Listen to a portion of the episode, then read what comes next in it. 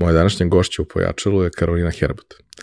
Finansijska savjetnica i neko ko je prošao veoma neobičan lični razvojni put od malog iđoša preko inženjerskog menadžmenta do sveta financije u raznim nekim oblicima i kapacitetima, pa do ovog nekog svog preduzetništva i konsultinga. Karolina je sjajna osoba koja je učinila jako mnogo da se podigne svest o finansijskoj pismenosti kod nas. Jer naravno da se time ne baviš u trenucima kada se boriš za bazičnu egzistenciju, ali kada u životu dođeš do toga da si malo uznapredovo i da postoji neki luft i neka prilika i da uštediš i da možda a, doživiš nešto, tada treba da pokušaš da se odgovorno odnosiš prema svojim finansijama. A, mnogi od nas to ne rade ili sa time krenu suviše kasno. Malo smo pričali o svemu tome kao i naravno o celom njenom razvojnom putu i možda ova epizoda neće da promeni mnogo toga. Ali hajde neka vas pokrene na razmišljanje pa smo već uradili veliku stvar. Uživajte. Realizaciju pojačalo podcasta podržali su Epson je vodeći svetski proizvođač projektora i štampača kako za kućnu, tako i za poslovnu i profesionalnu upotrebu. EcoTank tehnologija donosi značajne uštede za korisnike uz superioran kvalitet otiska, a količina otpada smanjuje se za preko 90%. Za više informacije o aktualnim modelima i promocijama posjetite epson.rs ili zapratite Epson Srbija na Instagramu. Sa nama je i Orion Telekom, provider najbržeg optičkog interneta u Srbiji sa više od 3 decenije iskustva. Pored fantastičnih ponuda za fizička lica, poput optičkog interneta bez ugovorne obaveze, pažnjom bih vam skrenuo i na širok portfolio usluga za biznis korisnike.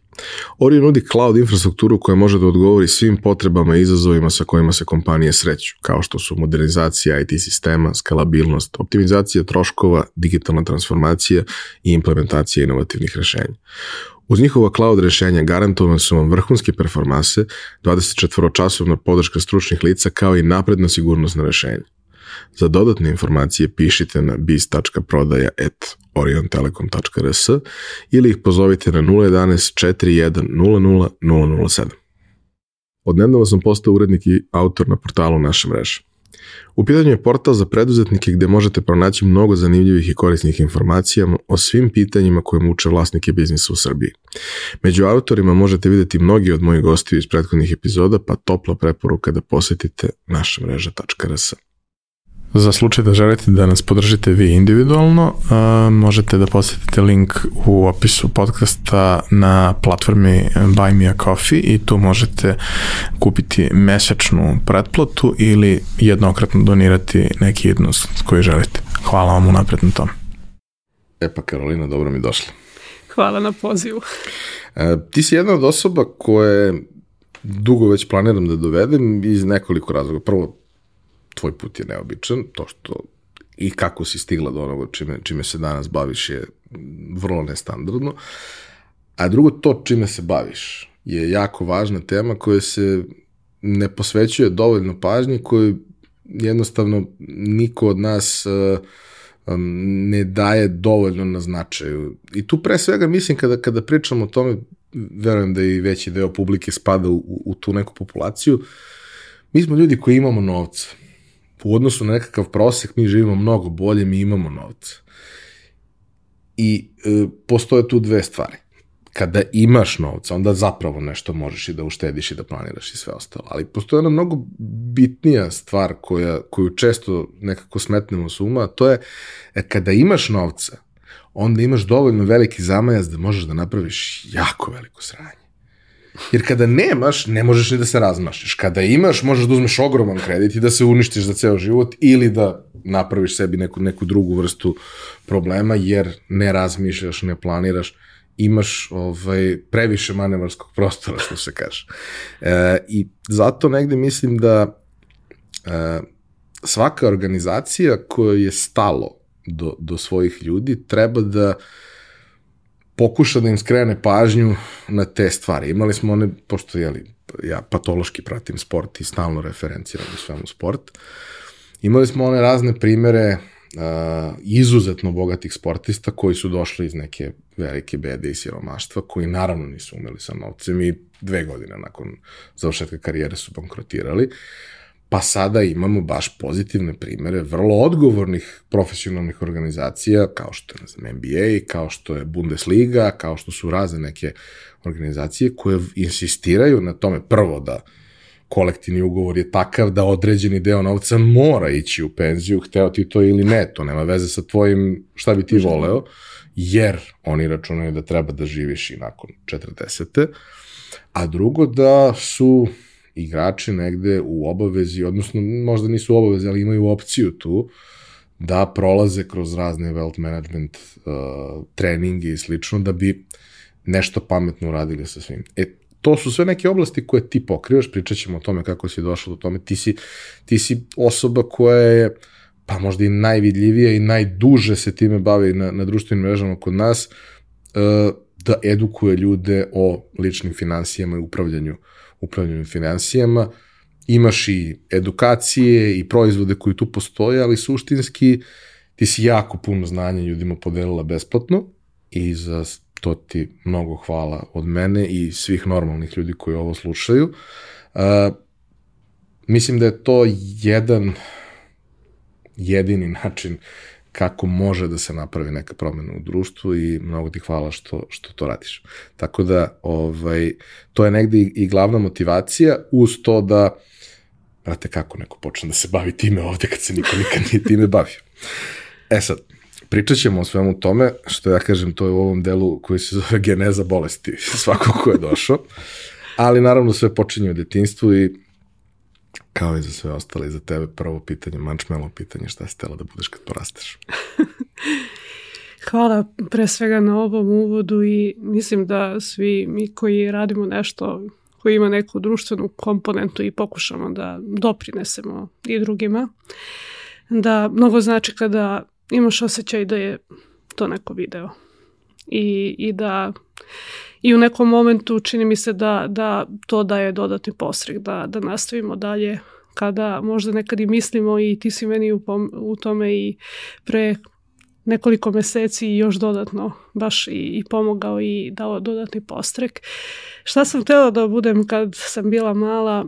Dosta toga i to se menjalo. Možda je jedina crta koja je bila zajednička da jeste već tad se javila ta neka potreba da to uključe druge ljude i da neka, na neki način doprinesem i drugima. E, prvo sam e, razmišljala da otvorim dom za stare. Ja stvarno ne znam kako je meni došla ta ideja kao veoma maloj osobi. Posle sam htela veoma kratko vreme da budem i advokat. Na jednom e, pismenom gde smo trebali da sebe zapravo to je bila zadatak da zacrtamo ili da napišemo šta želimo da budemo, to je možda deved, početak 90. godina e, ili sredina i ja znam da sam nacrtala sebi ispred računara i što to, tad još, ja i ne znam, i, ta, i taj moment ne znam otkud sam ja videla sebe ispred računara, ali je to zapravo, čini mi se, bilo prilično sve blisko ono što me i kasnije krenulo, a sve dok sam o ovim stvarima možda maštala. E, ja sam stalno išla sa mojom majkom koja je prodavala u trafici i koja je išla na pijacu, stalno sam bila sa njom, tako da sam stalno nekako bila u prodaji i, i u organizaciji i kasnije zapravo je to dalje u tom nekom pravcu. Zapravo sve što sam nekad čini mi se te razne stvari zamišljala, što bih možda radila, a čak mislila sam da nemaju nikakve veze. Jer kad sam htjela da upišem fakultet, razmišljala sam o psihologiji, pa onda o elektrotehnici i računarskom inženjerstvu i, i na kraju e, krajeva e, sam i se prijavila i za inženjerski menadžment i za e, softverski, softversko inženjerstvo. Samo tamo nisam prošla na, na, na budžet I onda sam ovaj, na budžetu upisala inženjerski menadžment i onda sad kad pogledam sve sa današnje tačke, mislim da zapravo kao da i nije postojao nekako izbor, nego sve je to jedno. Znači sve se to nekako e, prepliče. Ja, sve se nekako fokusiralo u to na kraju. A, ali um, uvek mi je iskreno posebno interesantno uh, na koji način se e, i formiraju ljudi i gradi motivacija i e, na koji način se, se ljudi prilagođavaju u životu za ljude koji su došli iz e, manjih sredina. Sad, manjih sredina ima raznih, bilo je ovde mnogo gostiju koji nisu rođeni Beograđani i sve ostalo. Ali nije bilo mnogo gostiju koji su iz zaista malih sredina, posebno e, sredina u kojima e, je kulturološki dosta drugačija postavka, ok, nacionalno naravno, ali na neki način, prvo Vojvodina je u svakom smislu drugačija od ostatka Srbije, a onda postoje ti ovaj, te na neki način uh, opštine, naravno, u Vojvodini, koje su uh, u visokom procentu uh, naseljene nekom nacionalnom menjinom. I sad naravno ima, ne znam, Slovaka, ima dosta njihovih sela, ima dosta Rus, rusinskih, ne toliko da. mnogo, ali ima sela gde su Rusini, ima sela gde su Rumuni, ima sela gde su, gde su Mađari dominantno stanovništvo. I vrlo često kada pričaš sa tim ljudima, ti shvatiš da su oni u suštini, iako su odrasli ovde i to je naravno bilo, bilo tako kako je bilo i ja se sećam uh, tog momenta da uh, mi smo hvatali TV Novi Sad uvek i uvek je postojao program na jezicima nacionalnih manjina, što, što je meni mnogo pomoglo da ja shvatim da nacionalne manjine postoje, jer ja u Beogradu to nisam mogao da shvatim, realno. Moji, ono, ne znam, baka i sve to, to je sve po Šumadi i tamo isto toga nema, mislim, ne računam da. crnogorce u nacionalnu manjinu, oni su onako nekako prirodno tu svo neko vreme, ako je malo čovjek viši, verovatno iz Crne Gore ovaj, ili Hercegovine, ali prosto ovaj, teško je da stekneš uopšte takvu svest. Ne znam, ja nisam imao nikog u, osnovnoj i srednjoj školi ko nije bio na, mislim, ajde ono kao naić i ko nije se ponašao, pričao i nosio sa sobom sva ona neka uobičana kulturološka obeležja koja su sa, sa podneblja Srbije, ali konkretno Beograda, mislim, za početak. E sad, kako je to izgledalo, kako je, kako je to bilo u toj mali sredini, mi smo tu negde istih godina i prošli smo u istom periodu kroz sve one užase 90-ih. U Beogradu je to bilo izuzetno mm, volatilno, najmanju ruku. Kapiram da je sve to drugačije. Ne, ne znam da li je lakše, ali da je drugačije u manjoj sredini. Kako, kako je bilo odrastati?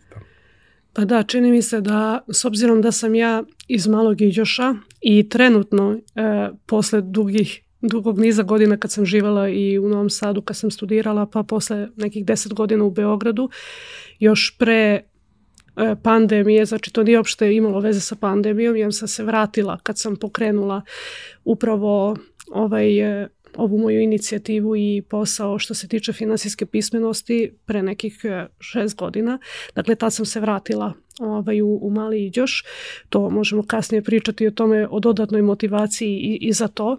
Ali da, jesam, odrasla sam ja da I mislim da je to naj e, uvek interesantnije da ti kad odrastaš negde, ti zapravo samo to znaš pogotovo e, ja sam iz e, neke porodice koje je radnička, mi čak auto nismo imali i tako da je tvoje polje kretanja zapravo prilično ograničeno i nekad e, naravno znam da po, pogotovo kad izađeš kasnije iz te sredine i oni koji izađu e, tad tek shvatiš koliko ljudi nisu izašli e, nikad odatle i e, shvatiš da je to e, jako čudno da neki ljudi, na primjer Mađari, da kako jedva govore srpski i slično, a zapravo ti kad odrastaš u sredini gde je cela tvoja, tvoji roditelji, cela tvoja rodbina su Mađari, celo selo, 90 nešto postoje mađarsko, bilo gde da odeš, od prodavnice, opštine,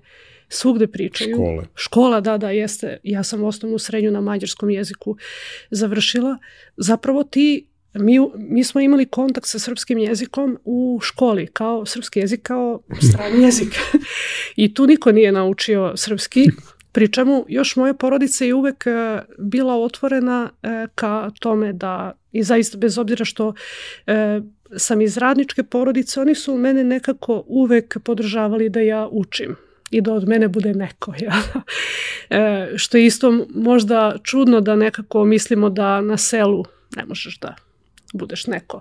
I to je jedno dobro pitanje. E, I svakako da, da je to bio jedan moment da Dakle, ti kad odraslaš u toj sredini, tebi je to ono što tu postoji i mislim da, s obzirom da sam ja 84. godište i kad su krenule 90. zapravo ja nisam, bila sam prilično mala, jel da, kad je bilo još neko malo bolje vreme i onda ja sam nekako se urodila u 90. pa nisam nešto puno boljeg videla, sem što se sećam da sam dobila neke e, pare od rodbine i da kad sam malo kasnije starija bila i kad sam pitala, a te pare onda one više nisu postojale, jel, zbog hiperinflacije. Ja, ili, ili je bilo to da ti ostaviš kod sebe pa one ne vrede ništa, ili će roditelji da ti čuvaju u kom slučaju od njih neće da. biti ništa. I tako da čini mi se da, da ipak sa neke strane, opet kada je, je neko na, na selu je drugačije što tu postoji bašta i na selu se, baš sam o tome razmišljala ovih dana koliko je to drugačije možda i e, neki način potrošnje i na šta te na kraju krajeva društvo i okruženje tera. Jer ja sad, na primjer, e, kada nekako sam uvela kao neku rutinu da svakog jutra prvo odradim neku šetnju, a živim na kraju sela. E, kad kažem na kraju sela, to je bukvalno 10 koraka i samo su njive. I ja tamo idem sa svojim psom da šetam i sad jel da razmišljam, uglavnom slušam neki podcast ili audio, audio knjigu i odradim svoju šetnju. Veoma redko sretnem ikog. Ako sretnem to je neko ko upravo obrađuje njivu, ali to je isto redko. I razmišljam o tome da tu tebe veoma malo toga i natera da uopšte trošiš. A ti, na primjer, da sad izađeš uh, u Beogradu, Novom Sadu, bilo kom mestu da šetaš, uh, zapravo razni mirisi, kafa, klopa ako si gladan i, i hoćeš da doručkuješ posle šetnje. Veoma lako može da te nešto navede prodavnice, pa vidiš Znači, tako da o tome sam baš razmišljala kako je to isto nekako koliko je selo i u tom smislu e, možda drugačije. I generalno naravno to smo videli sada kada je bila i pandemija, a i od ranijih dešavanja, na primjer bombardovanje, opet je to bio manji stres jer uglavnom kod tih nekih mesta ima možda manje, manje dešavanja koji, koji da, su tako stre... potencijalnih meta ima manje. Jeste, da, ima, ima po, e, to, toga manje prosto. I tako da ja i bombardovanje nekako pamtim kao neko, pošto sam u to vreme već trenirala rukomet, da smo mi stalno išli napolju, napolje igrali se i onda nekako imaš osjećaj kao da si u nekom svom svetu, što mislim da je drugačije u odnosu na, na grad u tom smislu. Tako da je to neko, a ti nekako, pogotovo dok još ne izađeš e, ozbiljnije iz te sredine, ja bih rekla da kad sam krenula ka, fa, ka fakultetu, onda je to bio prvi ozbiljniji korak, tad se i neki prvi ozbiljniji moj strah pojavio. Kako ću se ja snaći, zato što moja želja je bila da studiram u Novom Sadu. I tad ti prvi put shvataš da, da će to sad biti na srpskom jeziku. I baš uh, se pitaš kako ću. I ta, tad ti krećeš da zapravo vremenom uviđaš te razlike. Razlike koje sam ja vremenom još tu uviđala na fakultetu jeste da e, nekako kad srećaš kolege koji su ve, uglavnom iz većih mesta, e, ti, ti vidiš nekako koji je tvoj e, background drugačiji i ti čak i koji e, koga su ohrabrivali da učiš, ti nekako krećeš da preispituješ da li si ti dovoljno dobar. E, da, da sa tom pozadinom e, isto nešto slično ostvariš. Mnogo ljudi je prošlo kroz, kroz tu vrstu preispitivanja Um, posebno što, znaš, recimo kad smo pričali za, sa ovim raznim ljudima koji su završavali inženjerske fakultete, prirodne nauke i sve ostalo, ako su dolazili iz manjih sredina, a nisu bili najbolji fizičar u svom gradu, oni nisu išli na takmičenje. Ako su došli u Beograd na fakultet, sa njima u generaciji je 10 ljudi koji su osvajali takmičenje. I na samom početku ti si za pet stepenica ispod njih Možda ćeš za dve godine da budeš na sličnom nivou, možda ćeš da budeš čak i ispred. Ali je zastrašujuće kao kada ono, dođe neka ekipa iz malog mesta na turnir da igra protiv Partizana i oni su svi za glavu više, iako su ista generacija. to je prosto da. na neki način ono suva koncentracija nekog kvaliteta 100.000 dece na ovih 10 koji će da budu izabrani, a u, u, u manjoj sredini je to mnogo drugačije, ti si relativno lako ako si zainteresovan i talentovan u prilici da budeš u svojoj školi najbolji matematičar, recitator, Upravo. šta god. Sa te male sredine su takođe nekako um, čini mi se ovaj, mnogo zdravije i, i uh, zdravije svakako što se tiče životne sredine i svega toga, ali zdravije i u socijalnom nekom smislu jer mi se čini da su bez obzira na to što kod nas tradicionalno se komšije mrze, ovaj, su ljudi mnogo više upućeni jedni na drugi. Ovde je potpuno normalno da ti u svojoj zgradi znaš dvoje komšije u 72 stana, a tamo ne možeš da ne znaš svog komšiju, jer vi ste tu i vi ste jedini koji jedni drugima mogu da pomognu oko nečega i da ostvarite neku razmenu, neki dogovor, zajedno da nešto uradite. Ja sam se sa tim susretao kad odem da. kod baki deki tokom letnjeg raspusta i slično i obožavao sam sve te neke aktivnosti jer super je to zanimljivo kad dođeš na mesec dana, nije zanimljivo kad ti je to život svaki dan. Ovaj, a, kako, je, kako je taj deo funkcionisao, jer e, kapiram da a, da bi postigla sve što si postigla, ti si morala da nađeš u sebi hrabrosti za tako nešto i inspiracije i svega, a to je na kraju dana, bez obzira na sva ta preispitivanja, došlo iz toga što, ok, podržavale su te u kući, ali svako ko je iole samosvestan kad ode iz kuće, shvati da ja, veliku većinu ljudi su podržavali u kući, to je ono što porodica radi. Ali ako su te podržavali i oni koji nisu, koji te nisu rodili, onda ti je malo lakše da to nekako prebaciš, da, da, da uđeš u tu neku priču. Kako je da. to tvoje okruženje bilo? Šta ste radili? Šta su stvari koje su tebe prosto ono negde zanimale, mimo onoga što je svako od nas prošao jer je kurikulum u osnovnoj školi tako. Da, da. Pa prvo, bilo mi je simpatično kad si rekao, znaš, da treba da budeš u dobrim odnosima, naravno sa komšijama, a što je još jako zanimljivije u, u našem slučaju, pošto meni su sve komšije rođaci. Da tetka, brat od tetke i tako dalje, tako da, ali to, to je zapravo, tu postoji veoma e, i neki lepi rituali vezani za to, tako da kad, i da, ima veze to isto sa selom, čini mi se da je to nešto što sam baš i u poslovni svet e, povela sa sobom, a to je reputacija. Ti na selu veoma teško možeš da budeš, ne znam sad kako da, koliko da koristim te reči, ali kreten, e, jel da? E, jer ako budeš kreten, to će se veoma brzo pročuti. A ti u velikom I gradu... I bit ćeš odbačen. Da, da. I, e, i, i prosto e, i pročuće se ako se može računati na tebe, e, pročuće se, mislim nije to, ja da ranije bilo, ču, mislim kad ljudi pitaju iz koje se porodice, sve to nekako je imalo svoje.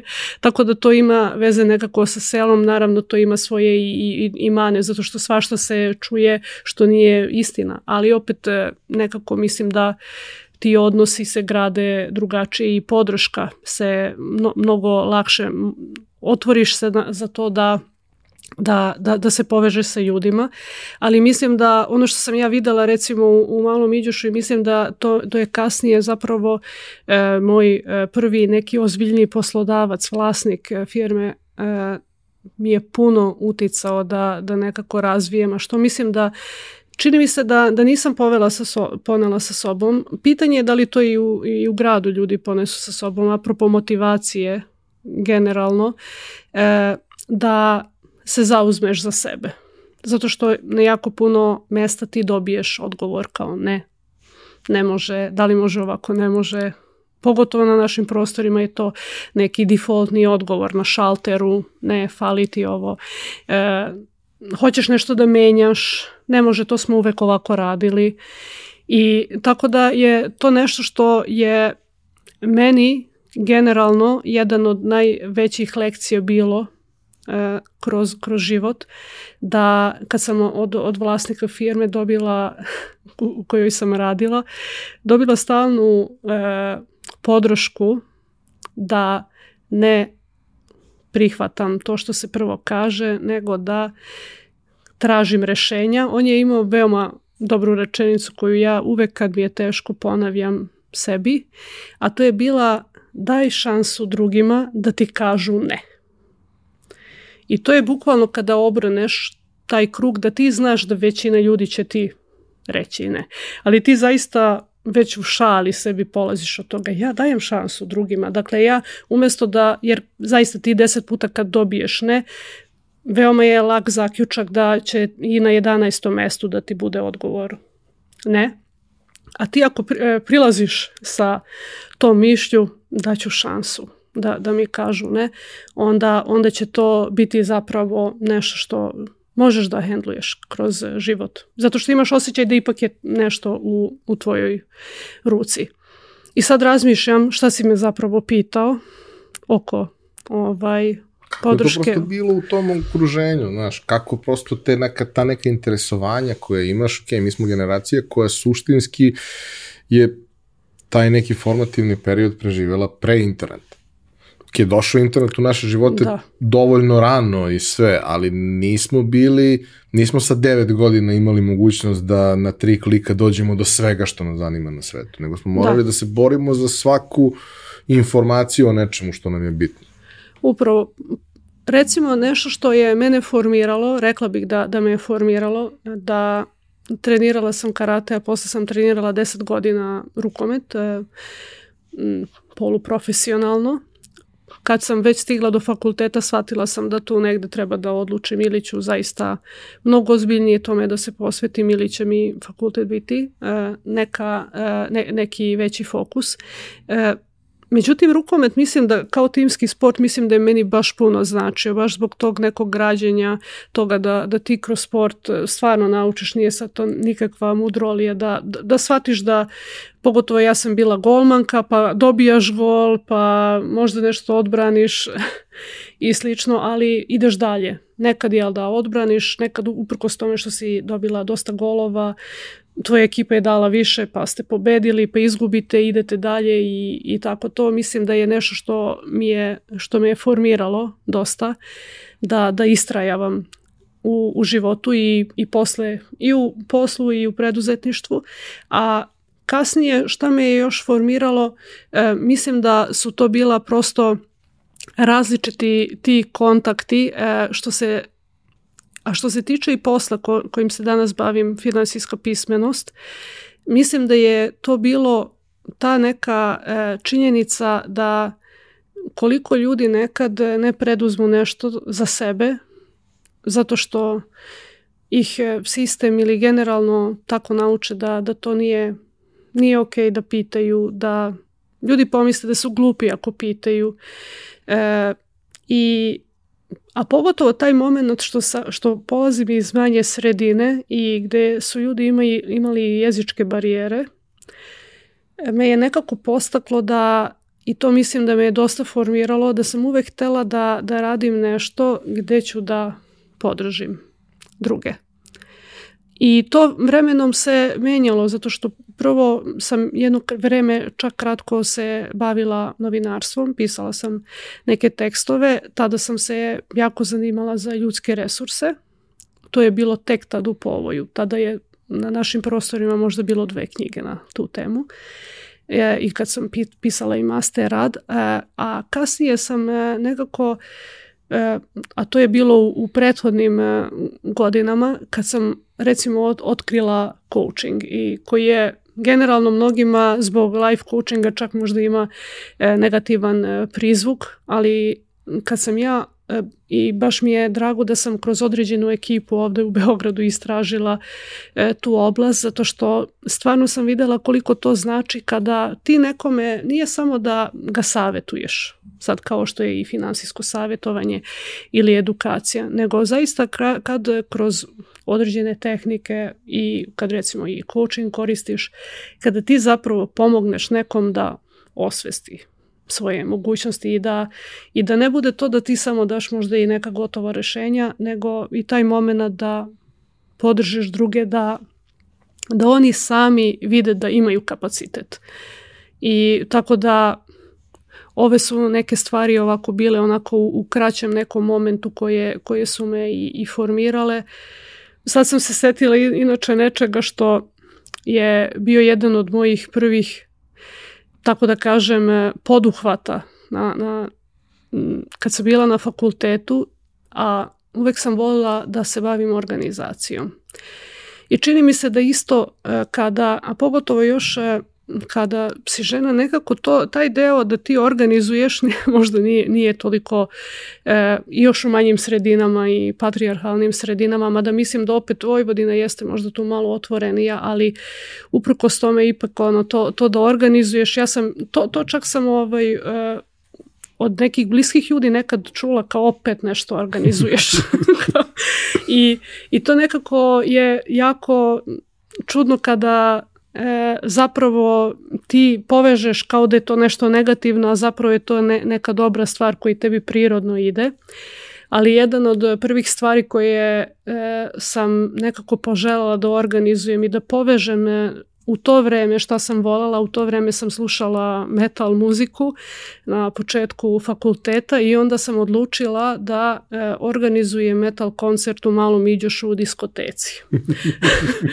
I bio je, e, bila je jako zapravo kvalitetna e, kvalitetan band Tales of Dark e, sa e, devojka ima fantastičan glas e, i onda sam odlučila da i to je kada nekako neke svoje ljubavi i svoju, svoje neke veštine povežeš i ja sam bila fazonu ima da ih dovedem u mali iđoš i da, i da napravimo koncert za, za sebe i e, tako da sam stupila u kontakt sa njima, dogovorila.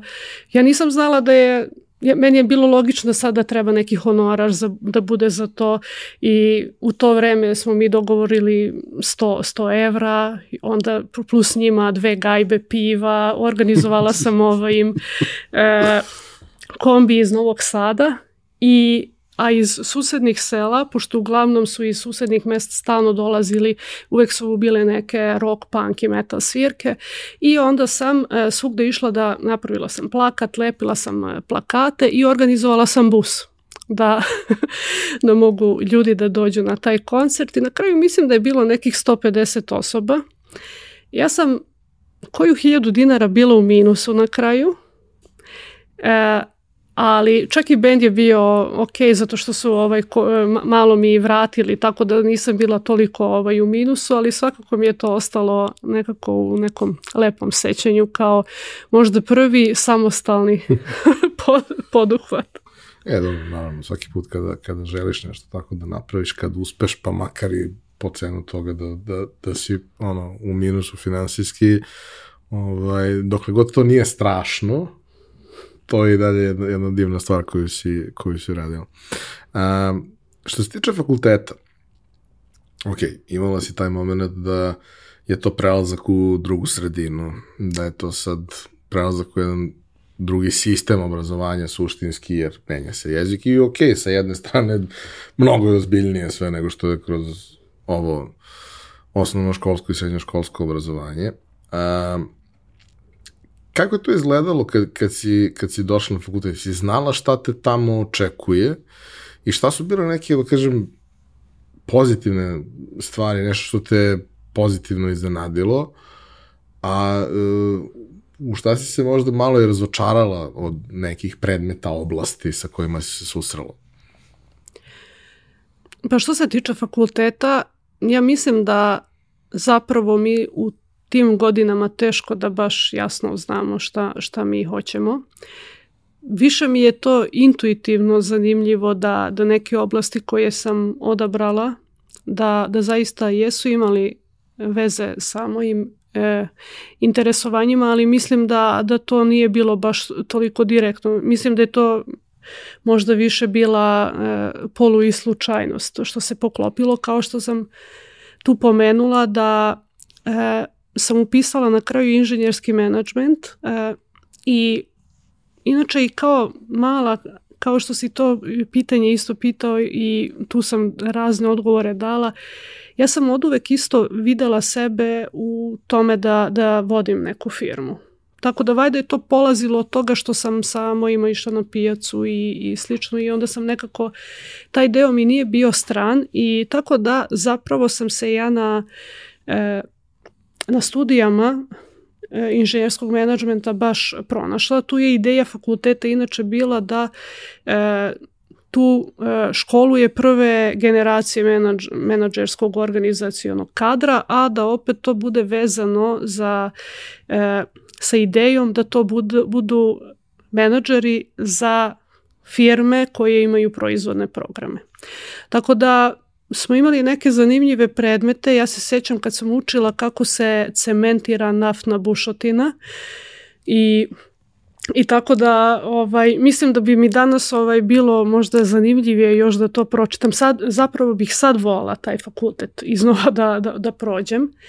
E, jer mislim da bi to bilo potpuno drugačije. E, ali mislim da sam samo zapravo tamo shvatila da neke stvari su potpuno drugačije nego što sam ja očekivala, ali zapravo sam otkrila stvari koje mene zanimaju.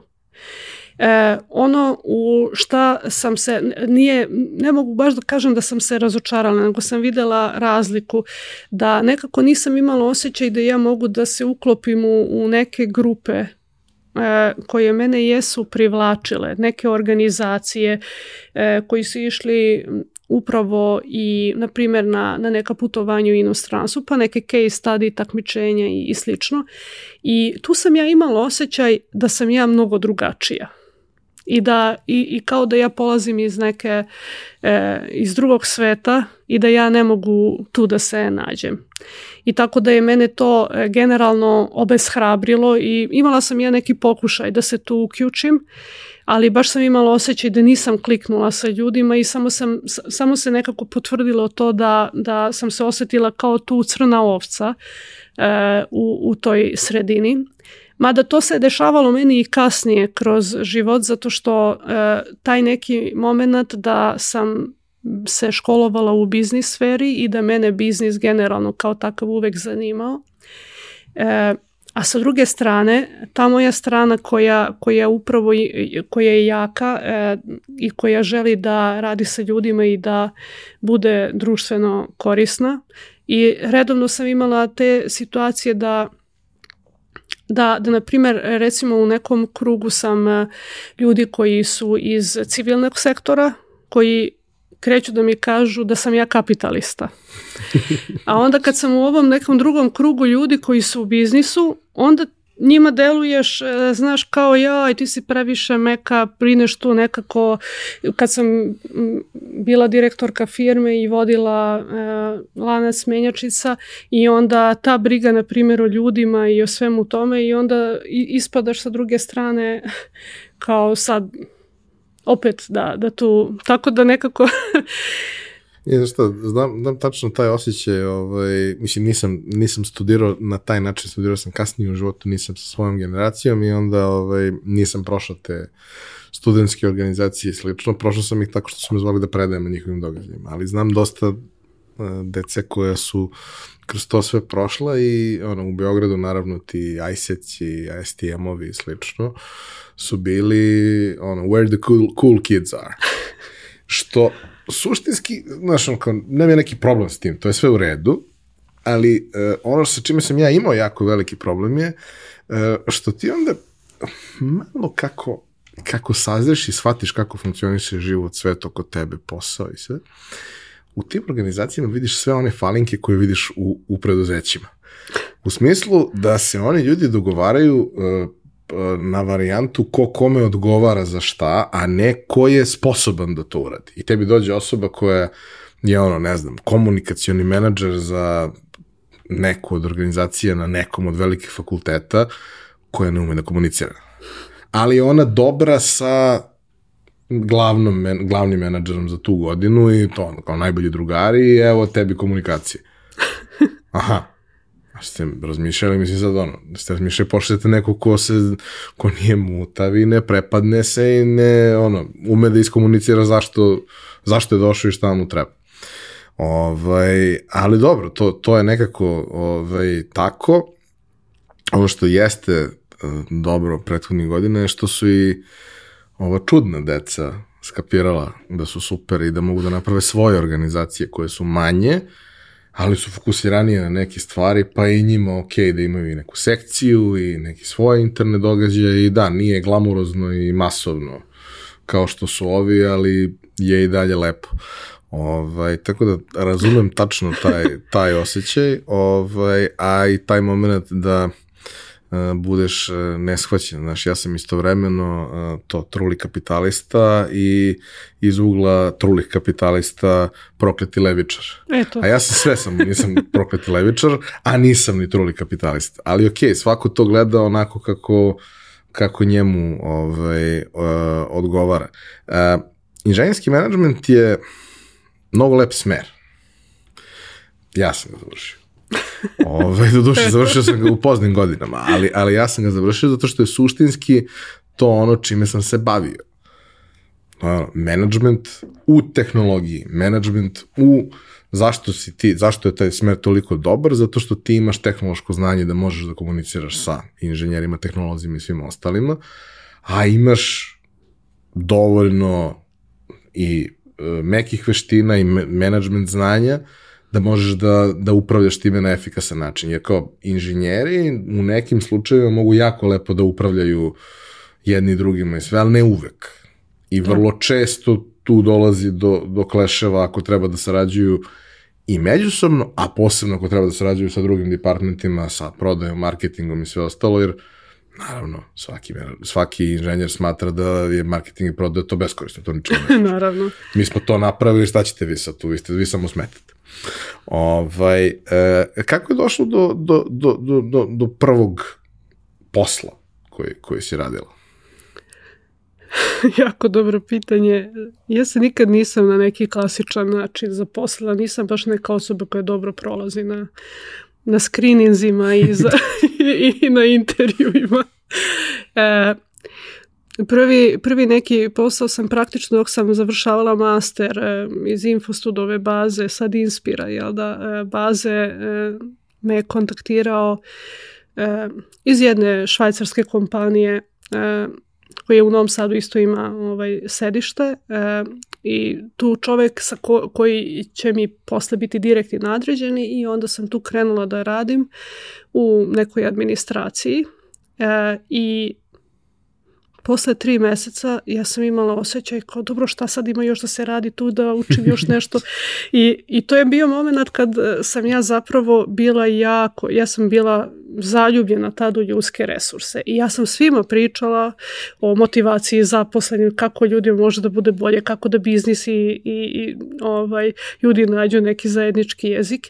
I toliko sam o tome pričala da je ta, to zapravo došlo do ovaj oca, ovaj, dakle, moja drugarica je pričala čak o tome njenim ovaj, kolegama na fakultetu ovaj, dramskih umetnosti i onda jedna devojka i ovaj, njen otac je imao zapravo firmu koja prodaje treninge firmama. Kao, e, takva osoba, meni sad neko treba ko voli ovaj, taj deo kao learning and development, tad se još nije tako baš zvalo, e, ovaj, nego obuke samo. E, I on meni ponudi bukvalno samo nešto veoma malo ovaj, veću platu nego što sam ja imala, a ja sam jel da radila u Novom Sadu, a ovo je bilo u Beogradu, što sam ja već uveliko želela, jer to je možda neki moment koji nisam pomenula apropo tog snalaženja u, u gradu da sam ja nekako shvatila već u malom Iljušu da, da mene privlači grad bez obzira što ja nisam znala šta zapravo grad predstavlja. Posle na fakultetu se to potvrdilo i u Novom Sadu kad sam ja već studirala i kad sam krenula da radim, ja sam shvatila da je to, ja sam to doživjela tad kao malo veće okruženje, jer e, osoba koju ne poznajem, ja shvatim da sretnem na stanici, prepoznam u centru, pa u klubu, pa u supermarketu. Ja sam imala osjećaj da je Novi Sad mali. I baš sam imala kao veoma, među fazu. Da, i baš sam imala veoma veliku želju e, da pređem za Beograd i još zbog jednog razloga takođe što koja god neka e, konferencija ili nešto što je bilo i vezano za ljudske resurse, nešto vezano za biznis u to vreme samo bilo u Beogradu. I tako da kada mi je ponuđena opcija da ja i ole dođem u kontakt sa ljudi, ljudskim resursima, ja sam to prihvatila i prešla sam.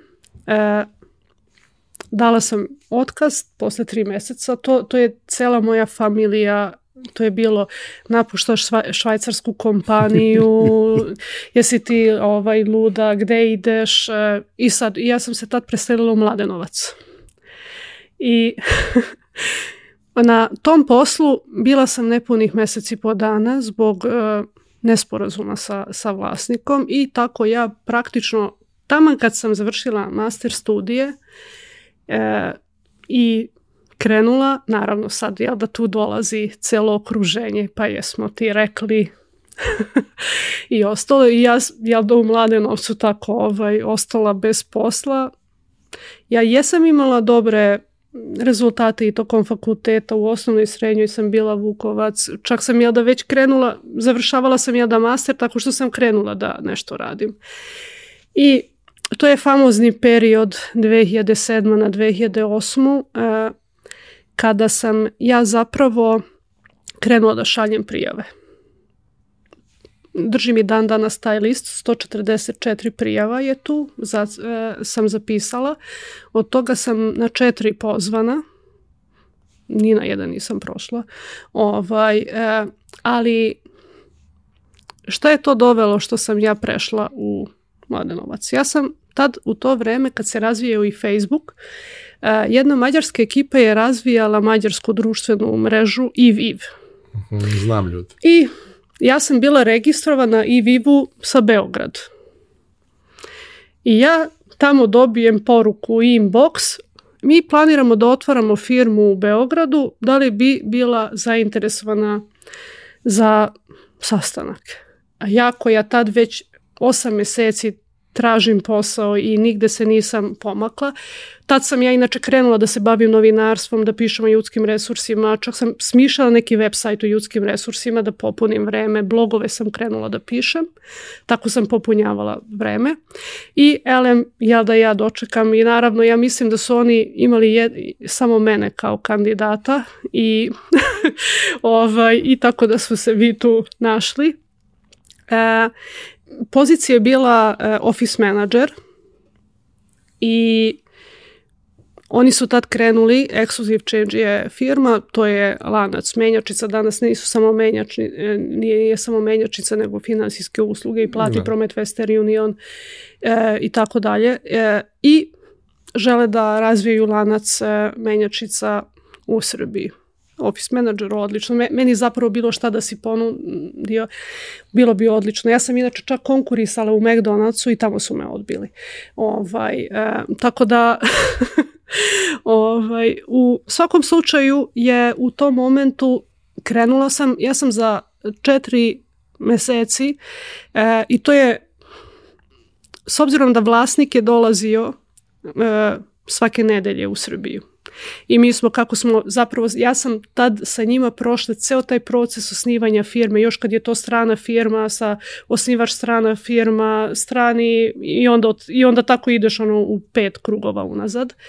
E, vidiš neke specifičnosti, ali to je ja tada sa 24 godine sam upala tad u jedno takvo iskustvo koje mene mnogo formiralo da zajedno sa osnivačima otvaram firmu u finansijskom sektoru koji je dosta regulisan i pogotovo oni koji dolaze iz Evropske unije tada i misle da su neki zakoni liberalni kod nas, tu nailaziš na veoma puno stvari koje kako to ne može, pa to je normalno i ovde i ovde, shvatiš da ovde to nije, ne funkcioniše tako.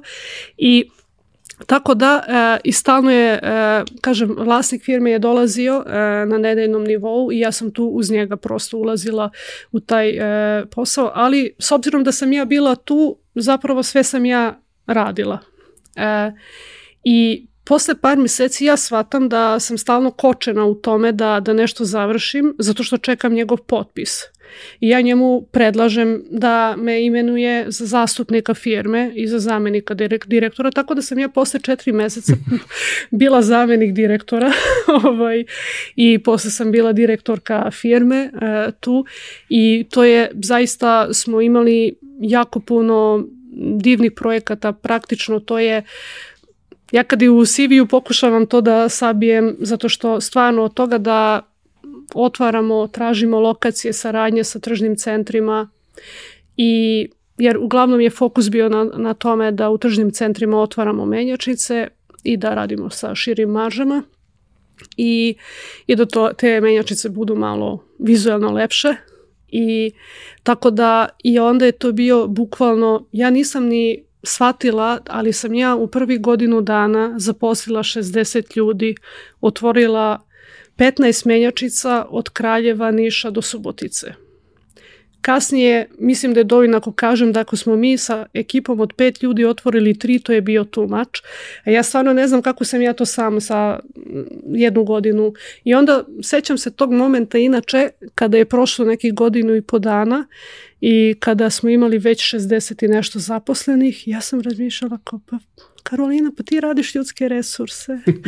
pa, kao ti si, pa, pa jeste, pa ova sistematizacija što ste pisali, ovi ovaj ugovori, pa pravilnik, pa pa da, pa to, to su ova, ovaj, oglasi za posao, pa ovi intervju i pa ove situacije sa kojima se srećeš i onda ti zapravo shvatiš koliko ti... E, I onda sam naravno shvatila da, da, da volim naravno ljudske resurse, ali još volim kada vidim e, i još šire celu ceo, ceo sistem i firmu i onda sam tu imala zaista priliku da sa, sa njima uvodimo nove usluge, dakle kada još nije krenuo recimo platni promet, plaćanje računa u e, menjačicama što je nekim kasnim zak zakonima bilo, znači mi smo osnovali udruženje menjača, pa sam bila predsednica tog udruženja gde je to saradnje sa Narodnom bankom i drugim regulatorima gde pokušavaš da neke e, malo liberalnije zakone preslikaš i da e, pokušaš e, da, da zapravo da, da bude ovde isto firmama malo lakše, da neke stvari mogu da, da, da urade. E, tako da je to bio isto veoma, to je, to je period kad sam čak pomislila da upišem pravni fakultet. jer, jer sam se našla u tome, u tom tumačenju propisa i u tome da stalno pišem neke inicijative za izmenu ili za to i to je jako zanimljivo kad ti shvatiš da, da na primjer, u to vreme menjačnice su radile na jedan način. I dok sam čitala propise, ja shvatim da, da propisi zapravo nešto drugo kažu. I ja to pričam sa vlasnikom i on kaže pa daj, sad kad kažeš to je tačno da, da, da je to tako I mi kad smo krenuli, prvo su hteli da nas kazne. I to je jako zanimljivo kad vidiš da neki sistem po defaultu funkcioniše po nečemu kako su svi navikli.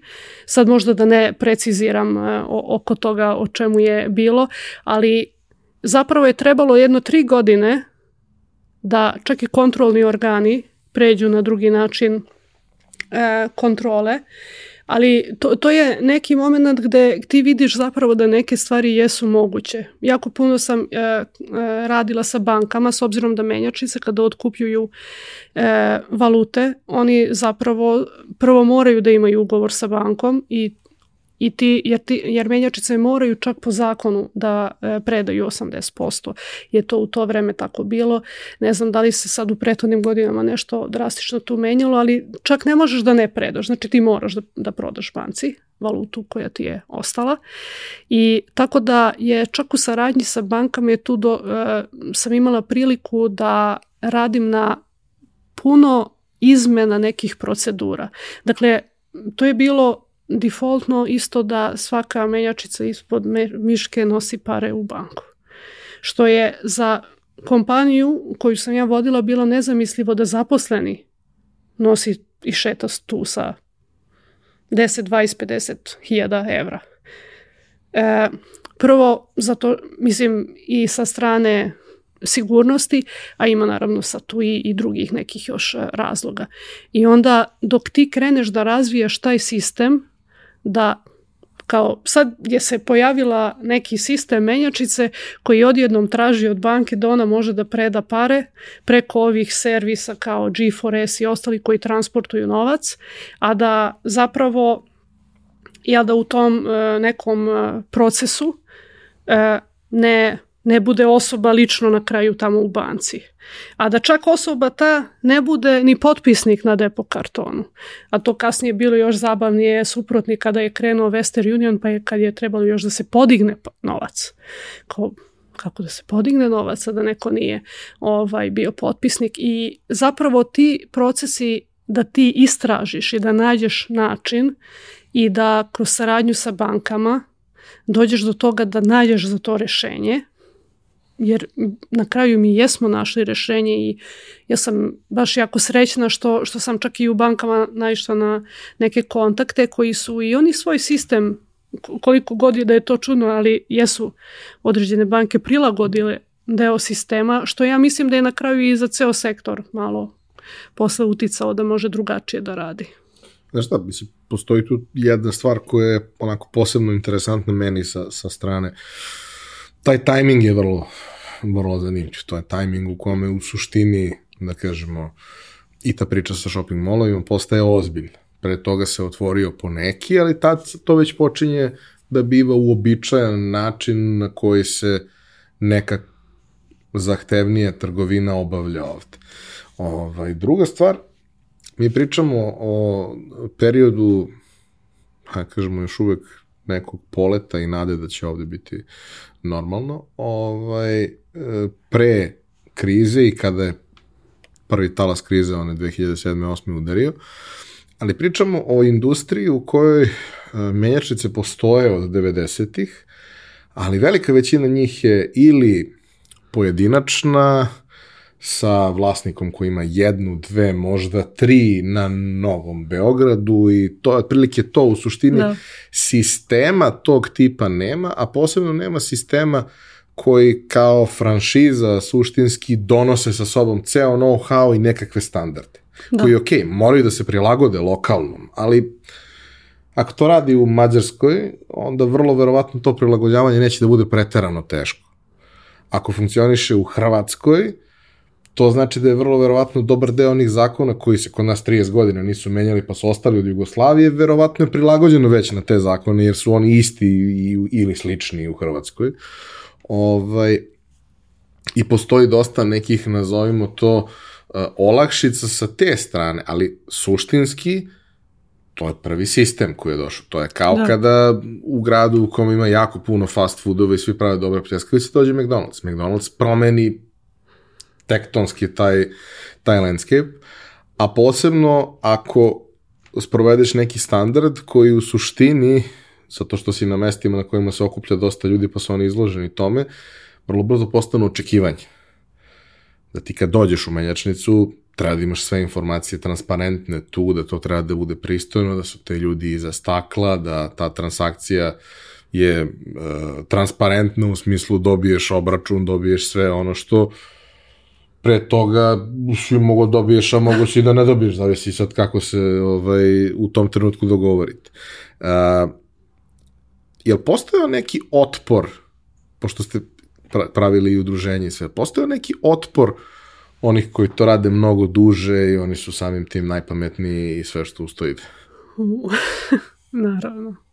E, pre svega, jel da kada pokrećeš udruženje, jel da udruženje to je osnovni problem e, ja da da i kad ideš ka regulatorima, pogotovo u ovom, sada ne pričamo u drugom vrstu udruženja kada zastupaš neku društvenu misiju ili ne, nešto drugo, ali ovako recimo kada ideš zaista kao profesionalno udruženje koja, koja želi da e, ukaže na, na neka ograničenja u zakonu i zaista iz najbolje neke namere želiš da, da, da predočiš taj inostrani know-how, E, prvo, e, kod domaće industrije, e, kad smo pr prvo, ja se sećam mog prvog prvih, jedan od, možda da krenemo od toga, to je najbolje Ivane, da, da, da kažem kako je vlasnik firme, kad smo imali prve razgovore, on je rekao, vidi Karolina, mi sad otvaramo, to je bilo na uglu prva menjačica i jako dugo ovaj, i naše sedište, Beogradska,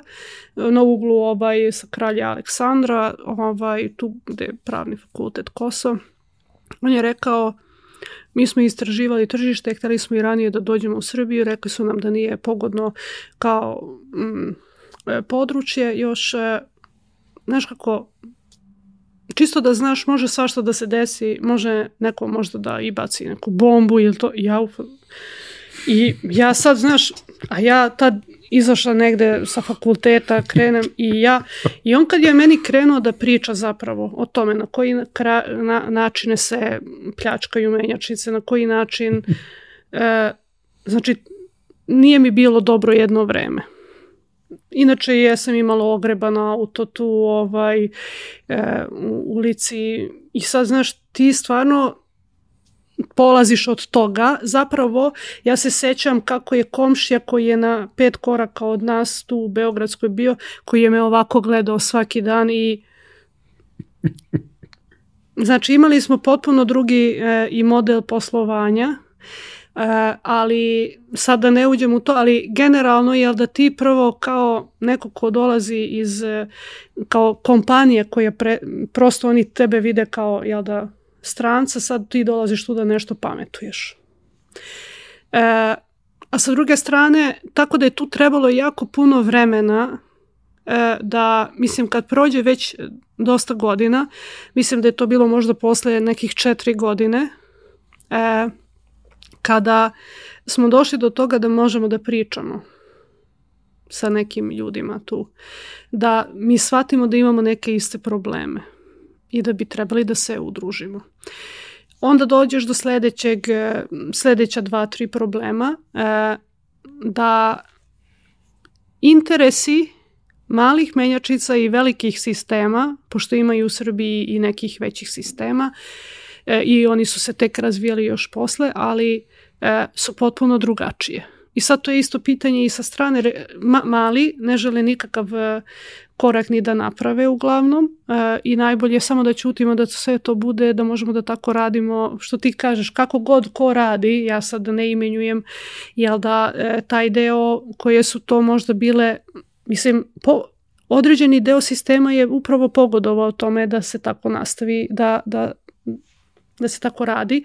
Sa druge strane, kažem, to je prvo interno već bio konflikt između samih aktera, e, pojedinačne menjačice i sistemi, a većina opet ipak e, menjačice e, mi možemo da posmatramo većinski da su to samo zaposleni ljudi koji ipak nisu sad na birovu. Jel da? Nego su otvorili neki, pa nekako tu prolaze. I tako da je pitanje i sa strane jel da kasnije regulatora da li želi da, jel da na koji način i koji deo želi da i, i da možda i, i, ovaj, i podrži.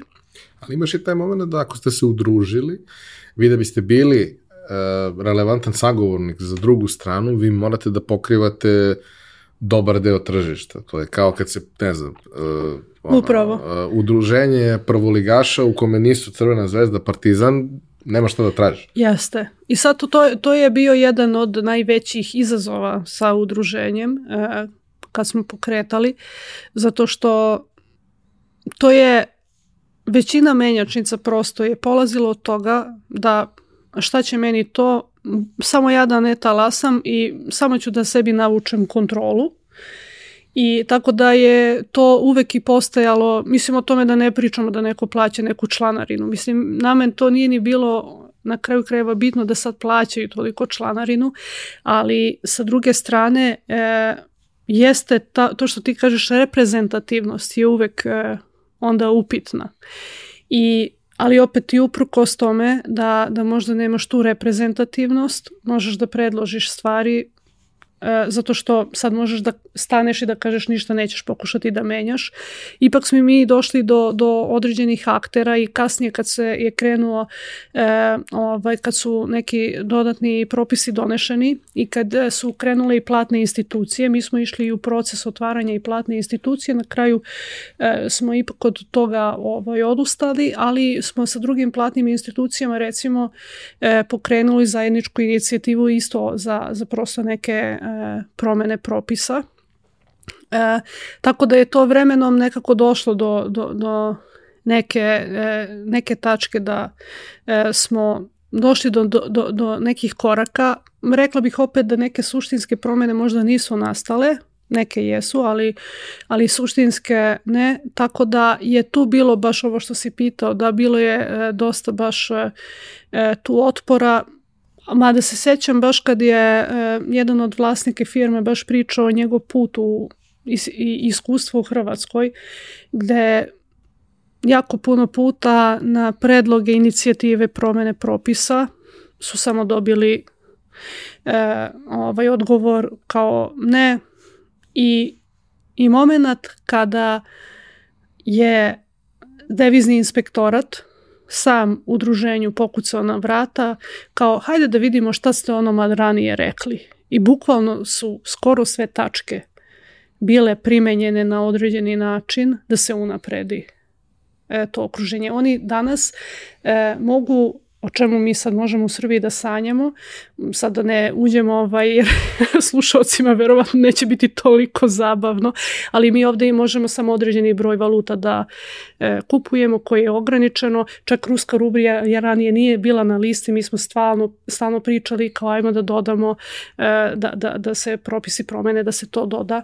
Naravno o tome da ne pričamo da neki su i tada kupovali rusku rublju, ali ti kao sistem ne možeš, naravno, mislim koji radiš sve po propisima, ti ne možeš da to kupuješ. Mislim, meni je najsmešniji moment bio i skoro sam nešto ponovo video to, uh, kao klinac koji je mnogo volao LED diod i sve ostalo što tu postoji, naravno ja sam obožavao one table na kojima ima gomila zastava, valuta i stoje sad kupovni prodajni kurs za to sve. I sad, naravno, u, u, u nekom trenutku kad si klinac, ovaj, pre tamo, pre eura, u periodu kad smo svi bili zaljubljeni u Klaru Šuman, ovaj, ti znaš da, ne znam, u Austriji je šiling, u Nemačkoj je marka, u uh, Švajcarskoj je franak, u Francuskoj je franak, ali nije isti i ne znam, u Italiji je lira i sve ostalo, su mi bili oni klinci koji kad, im, kad dođe neko iz inostranstva ti donese neke novčanice i ti sad gledaš to i fasciniran si, neke su stvarno bile prelepe.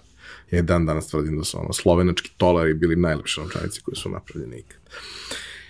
Ali u onom trenutku kad je došla ovaj, priča sa eurom, ja sam tad čak bio u Austriji kad je bio taj, taj switch, ovaj, bila je ta cela priča da sad kao, nisu svi euri isti, nego zavisno od zemlje imaju neke drugačije grafike na sebi, ali je valuta jedinstvena i sve je to tako. I odjednom više, ti kad uđeš u menjačnicu, to što stoji neki gulden negde ili nešto tako, sve to prazno. Ali tabla je ista. Ti imaš umesto onih 30 valuta koje su stajale ili 20, ti sad imaš ono njih 10 kod kojih sve stoji nula. I kao, prošlo je 10 godina, 15 godina, te table su i dalje bile iste, jer ih niko nije menjao. Čak i ono što su, što su novine nekad imale da izdaju kao kursnu listu na kraju, da. jedno duže vreme su izdavale kursnu listu koja, mislim, kao ima neke, neke cifre tu, ali one više ne znači ništa, te, taj novac nije u, u opticaju više. Ove, ovaj, tako da mi je to, to potpuno bilo, bilo fascinantno i sećam se čak i za dolare pre 15 godina, da si ti uredno morao najaviš to banci. Nebitno koliko ti treba, hoćeš da poneseš da imaš nešto keša na putu, ti moraš to da najaviš banci, jer ako ti treba više od 500, nema.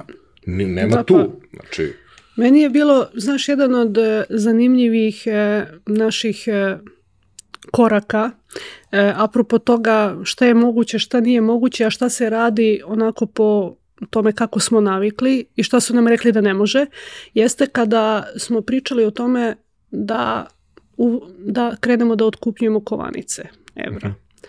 I jer stalno je tu bilo po nekog upita, neko donosi i to i sad e, isto smo krenuli od toga da je to dobra prilika, tu može da se i veća provizija stavi i slično i sad koga god sam pitala od menjačica i ovih e, koji od ranije ovaj, posluju u Srbiji, kao ne, ne, ne može, ne može. Ok, pitam ja banke sa kojima sarađujemo, ne, ne, ne može, ne, ne, ne otkupljuje se. I ja uzmem ja propise i sad kreneš, znaš, kako je definisan propis. Može da se otkupi efektiva. Ok, pogledaš definiciju. Efektiva je novčanica i kovana. Kovani novac. Kovani novac. Znači, može. Znači, nije samo novčanica. Znači, tu je kovani novac. Pogledam sve propise što se tiče menjačica. E, nigde nije isključeno e, to. Ja kontaktiram ovaj, e, naše banke, reko vidite, ovde nigde to nije isključeno. Nije isključeno, znači moguće je. Kao da, ali mi kao banka nećemo da šta će nama kovanice, da nam donosite kovanice. I rekao, dobro, ali ako mi nikad nećemo vama doneti kovanice, zato što možemo da ih prodamo, a i čak ako neko neće da proda, ti ćeš prodati samom sebi, nekome ko ide u Hrvatsku, Mađarsku negde, ovaj, e, i A misliš što je najgore ako pričamo potpuno otvoreno, to je nešto što ti treba kad ideš negdje. Da. Ako ideš kolima, pa, treba jeste. ti. I to, je, I to je upravo taj moment gde ti možeš da povežeš jedno dobro sa drugim.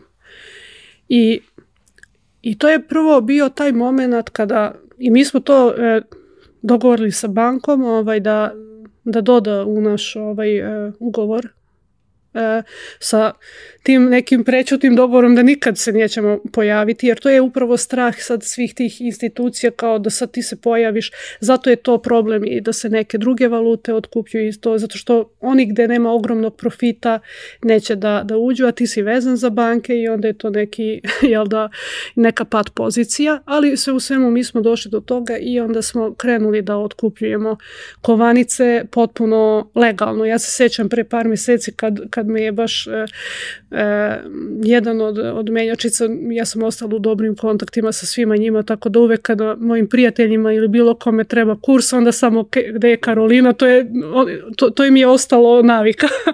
tako da... E, I kaže on kao, kako si, kaže, beše ono sa kovanicama sredila. I, ovaj, i onda smo tu, tu prolazili.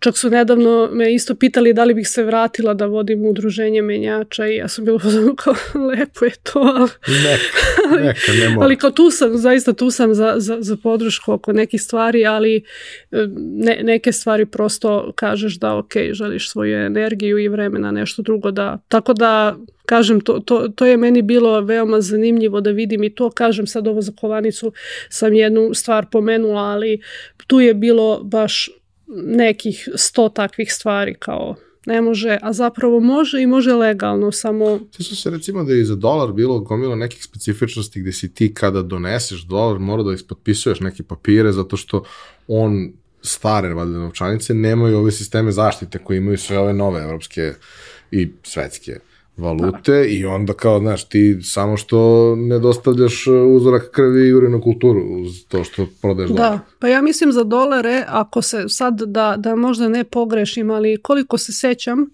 e, Nak su e, e, čak u prilikom jedne kontrole čak hteli da nas kazne, jer mi nismo cimali ljude da e, zapisujemo e, serijske brojeve, jer u propisima je stajalo da zapravo je ideja zaštite klijenata, da ti kada prodaješ kao menjačnica, tada je to bilo obavezno. I sad svako se navikao da kada otkupljuje, zato isto upisuje i tako i mi kad smo gledali propise, ja pogledam, pa kod otkupa nije, nego kod prodaje. I mi to nismo radili, kad je došla prva kontrola, a, kao nepravilnost i onda I to je sad isto jako škakljivo kada ti treba kontrolnom organu da ukažeš na to da nije baš tako. Da, da nije, da, da, da ne, ne grešimo i da, znaš sad, tako da nekako da budeš i autoriteta i da budeš ovaj, dovoljno nekako i ponizan, ono.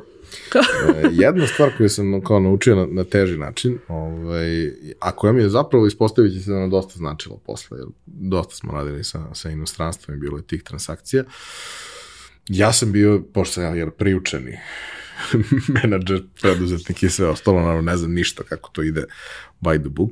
Ovaj, prvi put kad mi je kolega rekao, a, kad sam mu rekao treba razmenim neki veći iznos eura koje sam primio da ih pretvorim u dinara da mogu da, da, da funkcionišem sa njima, kad mi je on rekao, jesi tražio bolji kurs? Rekao, ka, kako misliš sam tražio bolji kurs? Kao pošalješ mail banci i kažeš dajte mi bolji kurs. Ja kao dobro, pošaljem mail banci.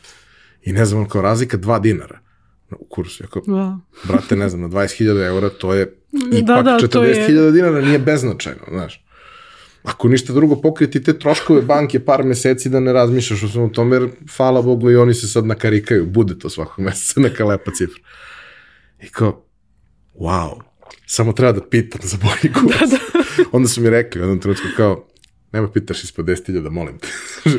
Što je isto okej okay sve, ovaj, ali prosto Vidiš, ne znaš da to treba da radiš. Pa jeste, to, to su upravo ti momenti koji su kasnije mene i naveli da, da, da krenem u tom pravcu i finansijske edukacije, jer kažem, ja sam baš nekako imala tu podršku ovde kroz, kroz ovaj posao, baš uđeš veoma u dubinu bankarskog sistema i regulatornog sistema i ti zapravo shvatiš da nije to ništa komplikovano, samo su nekako samo treba da kreneš da se time baviš. Ali, Nismo naučeni nis, da, da jest. nešto znamo. Ali ovo što si pomenuo inače za, za kurs i za količinu, ja se sećam, pošto pro, pogotovo prvih godina ja sam stalno radila sa brokerima i to sad je da menjačice otkupljuju valute, pa onda ti ih prodaješ ono što nisi prodao klijentima, prodaješ banci i onda zoveš ovaj, svoju banku i onda sa, ba, sa brokerom za tu menjačicu prodajem 10, 20, 50, 100 hiljada i sad s obzirom da smo mi imali lan lanac menjačica, više od 20 menjačica, mi smo to, a to su bili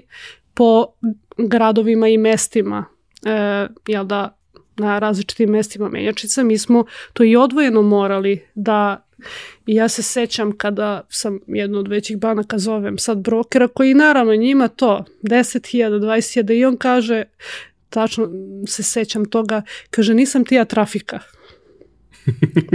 Ali je rekao, da, brate, ali mi smo sad tebi prodali 200.000 evra ukupno.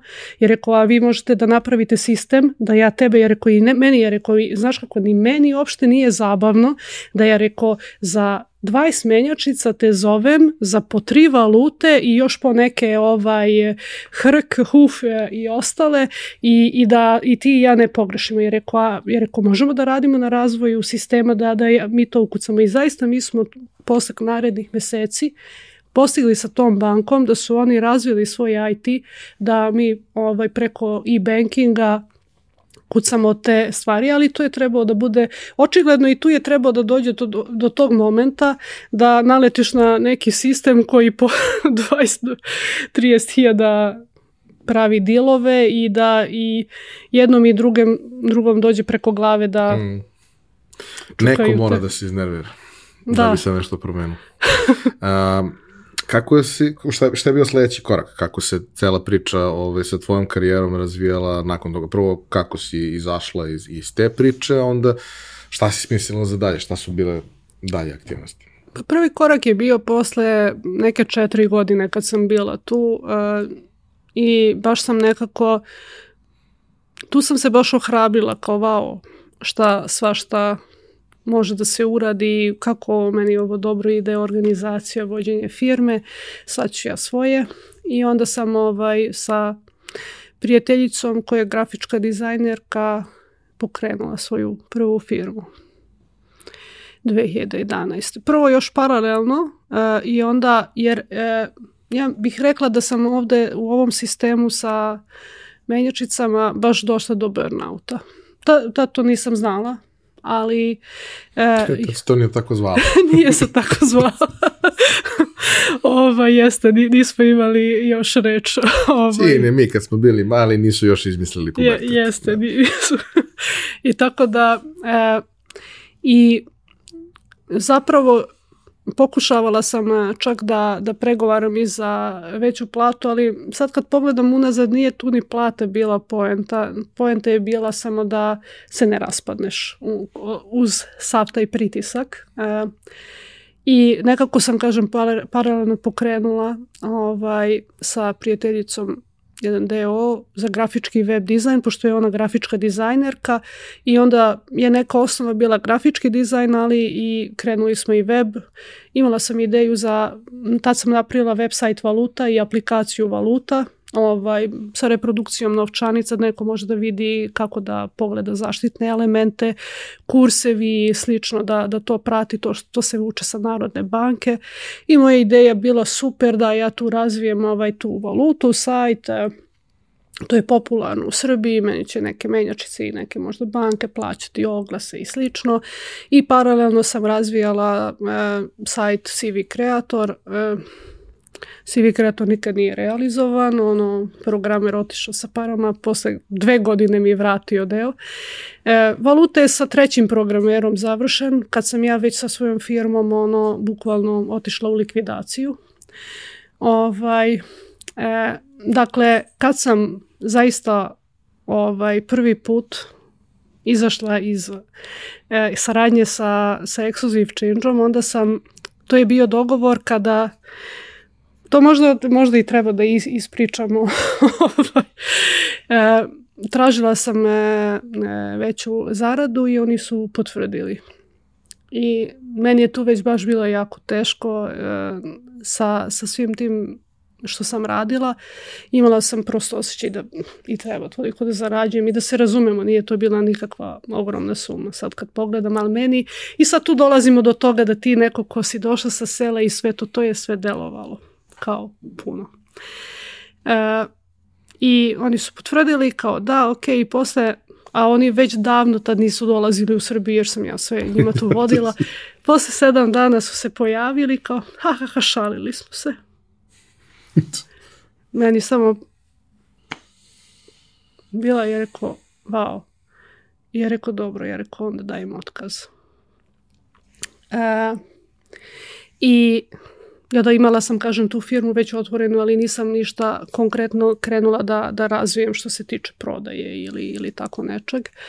I tu sam još bila mesec dana e, dok smo se mi rastali i onda sam se fokusirala na razvoj ovih e, web projekata i na, na prodaju i usluge grafičkog dizajna i to, to uopšte se nije tako brzo prodavalo e, i nije se tako brzo razvijalo, pri čemu ja kao postanarka sa deo E, imala sam dva kredita u to vreme i naravno tad kad sam ja ovo, pošto je to bilo neplanirano da ja baš tad to uradim, nisam imala ušteđevinu.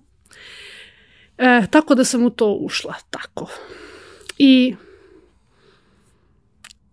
jedan korak koji sam tad uradila, pošto nisam imala nikakvu ušteđevinu, da dok sam bila zaposlena, pošto moja pozicija bila dobra, plata bila ok, da dobijem kredit, brzo sam uzela 10.000 evra kredita, da i ole mi traje ovaj koji mesec.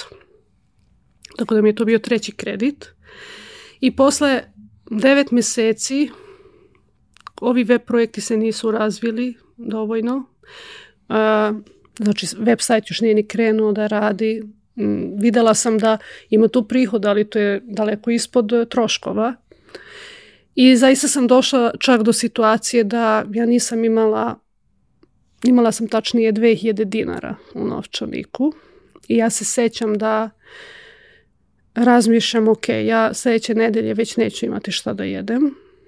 E, postanarka sam, tad sam ovaj, poslala poruku E, stanodavcu koji je nije bio i ovaj postao umeđu vremenu ovaj i drugar, a inače smo se preko posla upoznali i rekao ako možeš da sačekaš tri meseca pa da ti za tri meseca dam odmah ovaj tri.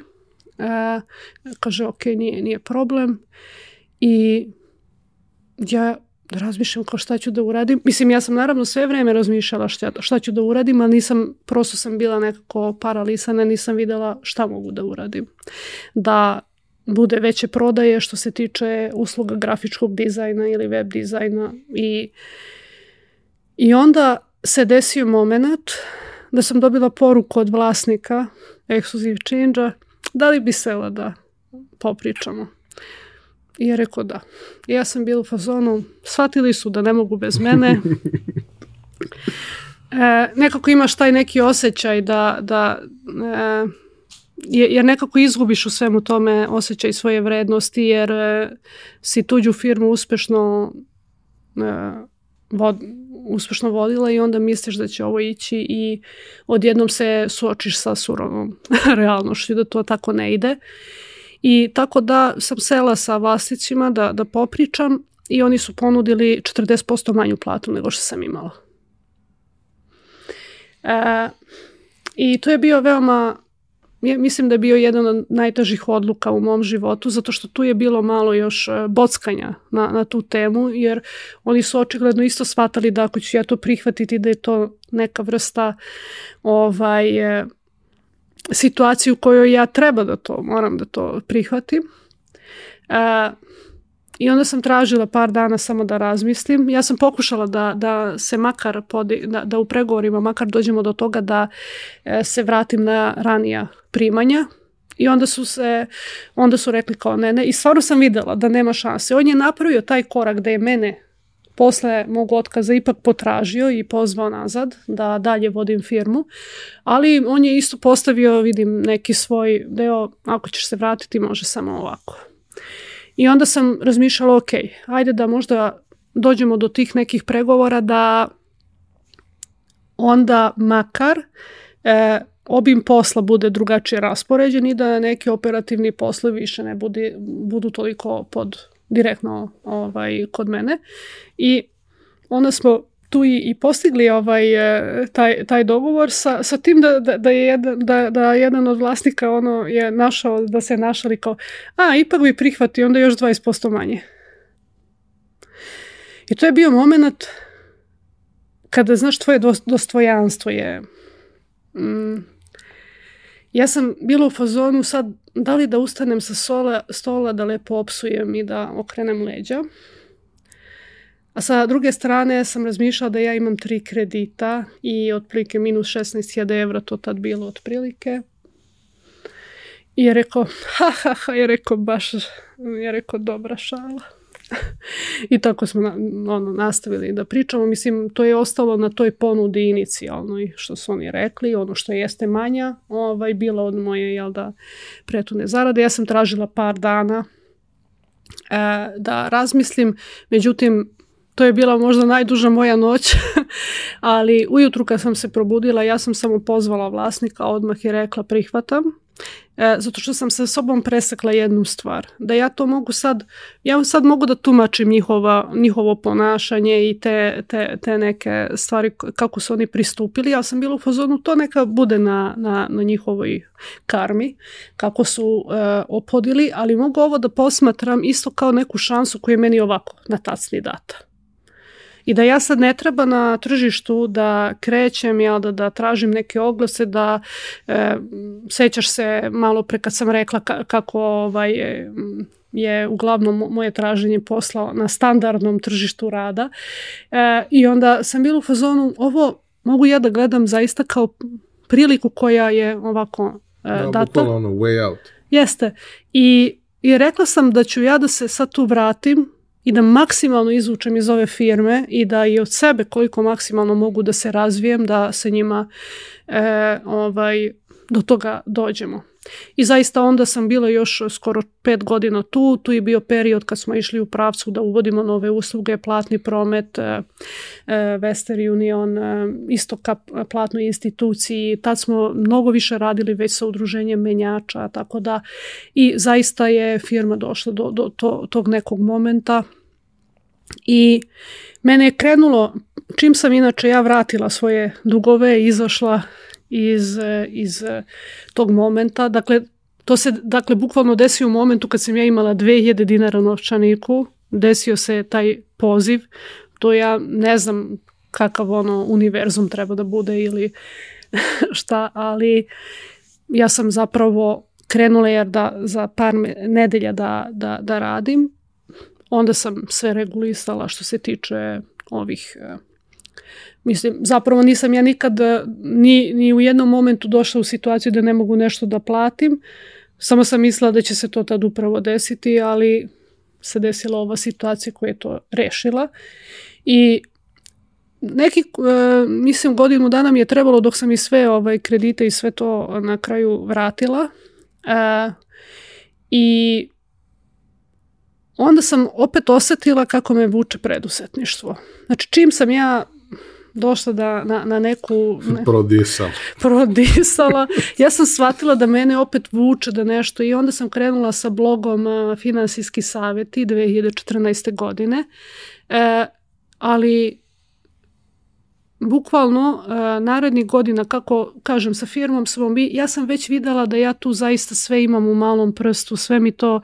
Uh, ja sam stvarno sve što sam radila sa njima baš volala da radim jer to je strava kad direktno sa vlasnicima možeš da radiš i kada imaš, jer smo mi razvijali in-house softvere, radili sa bankama, sa njihovim softverima e, takođe i ujedno ceo taj bankarski sistem i transakcije kako ide, zna, idu, znači to je bilo strava, da sve imaš celo, pa onda rad sa e, zaposlenima i, i sve to, znači radni odnosi, sve, sve vidiš i to je divno. Ali u jednom momentu dođeš do toga da ti više tu nemaš gde da, da, da, da rasteš. I, a taj sektor opet, e, što se tiče platnih usluga, menjačice, to je dosta ograničeno. Ja zaista tu nisam imala sad gde više, šta. e, I krenulo da me kopka. Ali onaj strah od ranije, ranijeg fejla, e, da, da to nije bilo profitabilno što sam pokrenula, je mene mnogo kočilo, tako da sam ja bukvalno, mislim da više, kažem, tri godine sam ja imala blog pre nego što sam krenula da e, u, u svoju firmu sa finansijskom edukacijom, ali još zadnjih nekih godinu dana u firmi ja sam razmišljala dobro, da li da da li da odem u inostranstvo pa da razvijam, e, da negde radim u nekom sličnom sektoru ili bankarskom finansijskom sektoru, da li da u Srbiji promenim možda ne za drugog poslodavca da radim ili nešto svoje. Ali s obzirom da je preduzetništvo jel da mene stalno vuklo, onda sam odlučila da na kraju to odaberem i krenula da e, gradim ovaj taj deo finansijske pismenosti, jer evo baš ovo što sam ispričala iz mog ličnog iskustva, znači ja sve greške koje ne bi trebalo da se naprave, napravila. A ti uspešno vodiš tuđu firmu, znači i nama 2 miliona evra je prolazilo znači svakog meseca kroz moje ruke. I ti odlično vodiš tuđu firmu, svašta je tu lepo, ali zapravo shvatiš da oko ličnih financija mi nismo edukovani. Nije stvar samo toga, neke odluke koje sam ja tu pravila i koje su mene koštale kasnije, na primjer poneki, e, ovaj, recimo jedan od kredita, nije bio zato što sam ja to baš tako želala. Nego, su to, nego je to bio recimo i uticaj okoline i nekih meni bliskih ljudi. Tako da je to nešto bilo što mene kroz vreme navelo da zapravo krenem da sa ovom temom da se veoma aktivno bavim i, i da pričamo i o odnosu prema novcu i o međuljudskim odnosima i sve to kako to generalno. Znaš, ja se sećam ovaj, iz tog nekog perioda baš detinstva sa 5-6 godina. E, moj deda je bio vojni penzioner i imao je svoj rokovnik u koji je svaki dan upisivao sve. Znači, ode na pijacu i sve upiše šta je kupio, koliko je koštalo, podvuče se, tu sabere. Jedan od razloga zašto sam ja znao da sabiram fantastično, jeli, pre sed, sedme godine je što sam ja gledao svaki dan dedu kako sabira, pa sam u neku trutku rekao da ja ću da saberem sve, pa krenuo, pa onda ja saberem, pa on proveri, pa kad je to počelo da bude tačno u visokom procentu slučajeva, onda kao izgleda da ipak to zna. Ali on je bio prvi u tom ovaj, mom okruženju koji se na taj način odnosio prema, prema novcu. Bio je vojni penzioner, vrlo imao visok čin u vojci, dakle imao odličnu penziju jer nekad su vojni penzioneri zaista bili zaštićeni u tom nekom smislu. A, ali on uvek imao ušteđevinu, on je uvek bio tu ono kad treba, ne znam, porodično da se pomogne nešto što je malo veći poduhvat, uvek je on tu da doda nešto nije bio da neko će mnogo nešto tu da ponude, ali neće ni da, da, da, kao da. ignoriš. Ovaj, I e, meni je to bilo super interesantno, jer znaš, kad sam ja to skapirao, pa počnemo, pa krenuli da pričamo, pa kako je on, ne znam, on ima, znaš, on ima veliki plan, na pet godina se, ne znam, kreči, na ovoliko godina se menja ovo, na ovoliko godina se menja ono, se bavio time preplanski ovaj, pa ne znam, na selu, sređivanje kuće, sređivanje ovoga, sređivanje ovoga. A, I to je bilo, znaš, prvi put da se ja sretnem sa tim, mislim da je malo ekstremno to što on radio u tom periodu, ali je bilo interesantno, ja sam bio klinac i mene to bilo zanimljivo. Ali posle sam shvatio da zapravo velika većina ljudi, pre nego što sam ja imao svoj nekakav novac, da velika većina ljudi, da imaš ljude u svom okruženju koji imaju mnogo manje prihode nego što imaš ti, koji žive mnogo bolji život. Nego što živiš ti. Ne mislim konkretno na, na moju porodicu, moja porodica je uvek bila vrlo racionalna sa, sa novcem, ali gledaš ljude u svom okruženju i znaš da prijatelji koji imaju ne, čerku koji je s tom razred, da imaju više novca na raspolaganju i da svakog meseca na kraju meseca pozajmljuju od tvojih da bi se prekrpili, da bi ovo, da bi ono. I onda pokušaš da razumeš zašto. I razumeš kroz neke, vidiš da su dosta glupe odluke.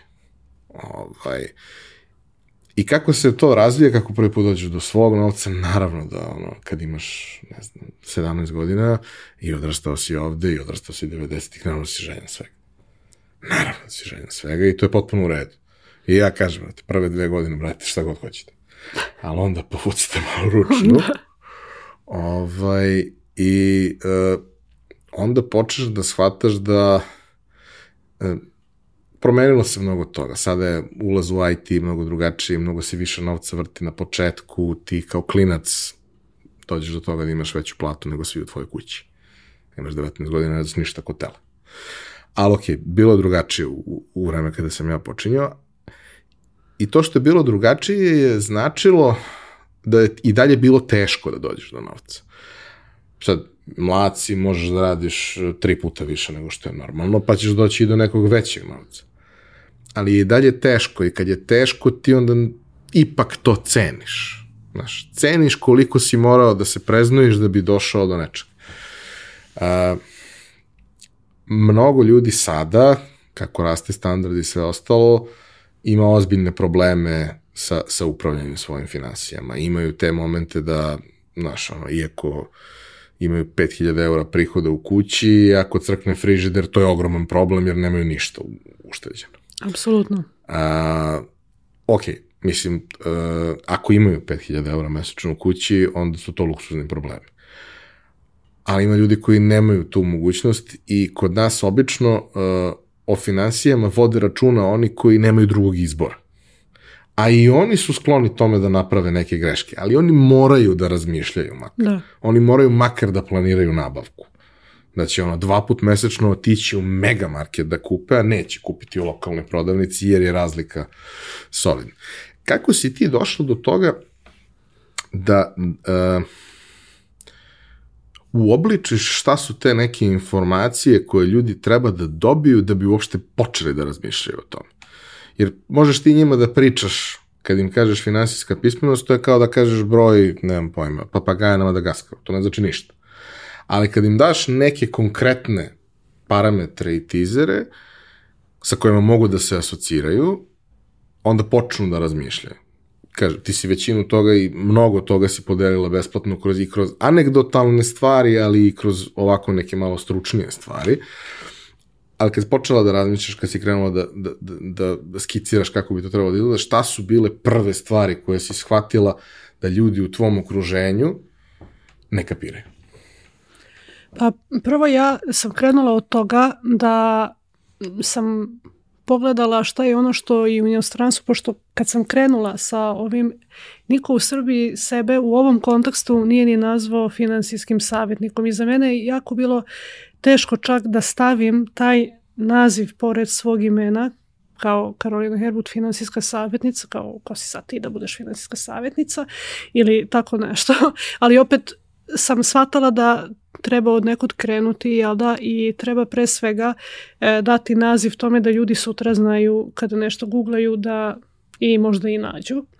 E, krenula sam od toga zapravo i u inostranstvu kakvi e, su programi koji su vezani za finansijsku pismenost i zapravo sam pošla naravno i od ličnih iskustava i od toga Drugo, sa, u kontaktu sa ljudima, e, kako sam bila, šta je i njima bilo potrebno. E, jer pored toga što je što sam ja imala tu želju naravno da, da, da nekako e, pojednostavim e, neke e, termine koje se koriste u financijama i da ljudima bude lakše bilo šta sad od oko kredita ili investiranja ili, ili slično.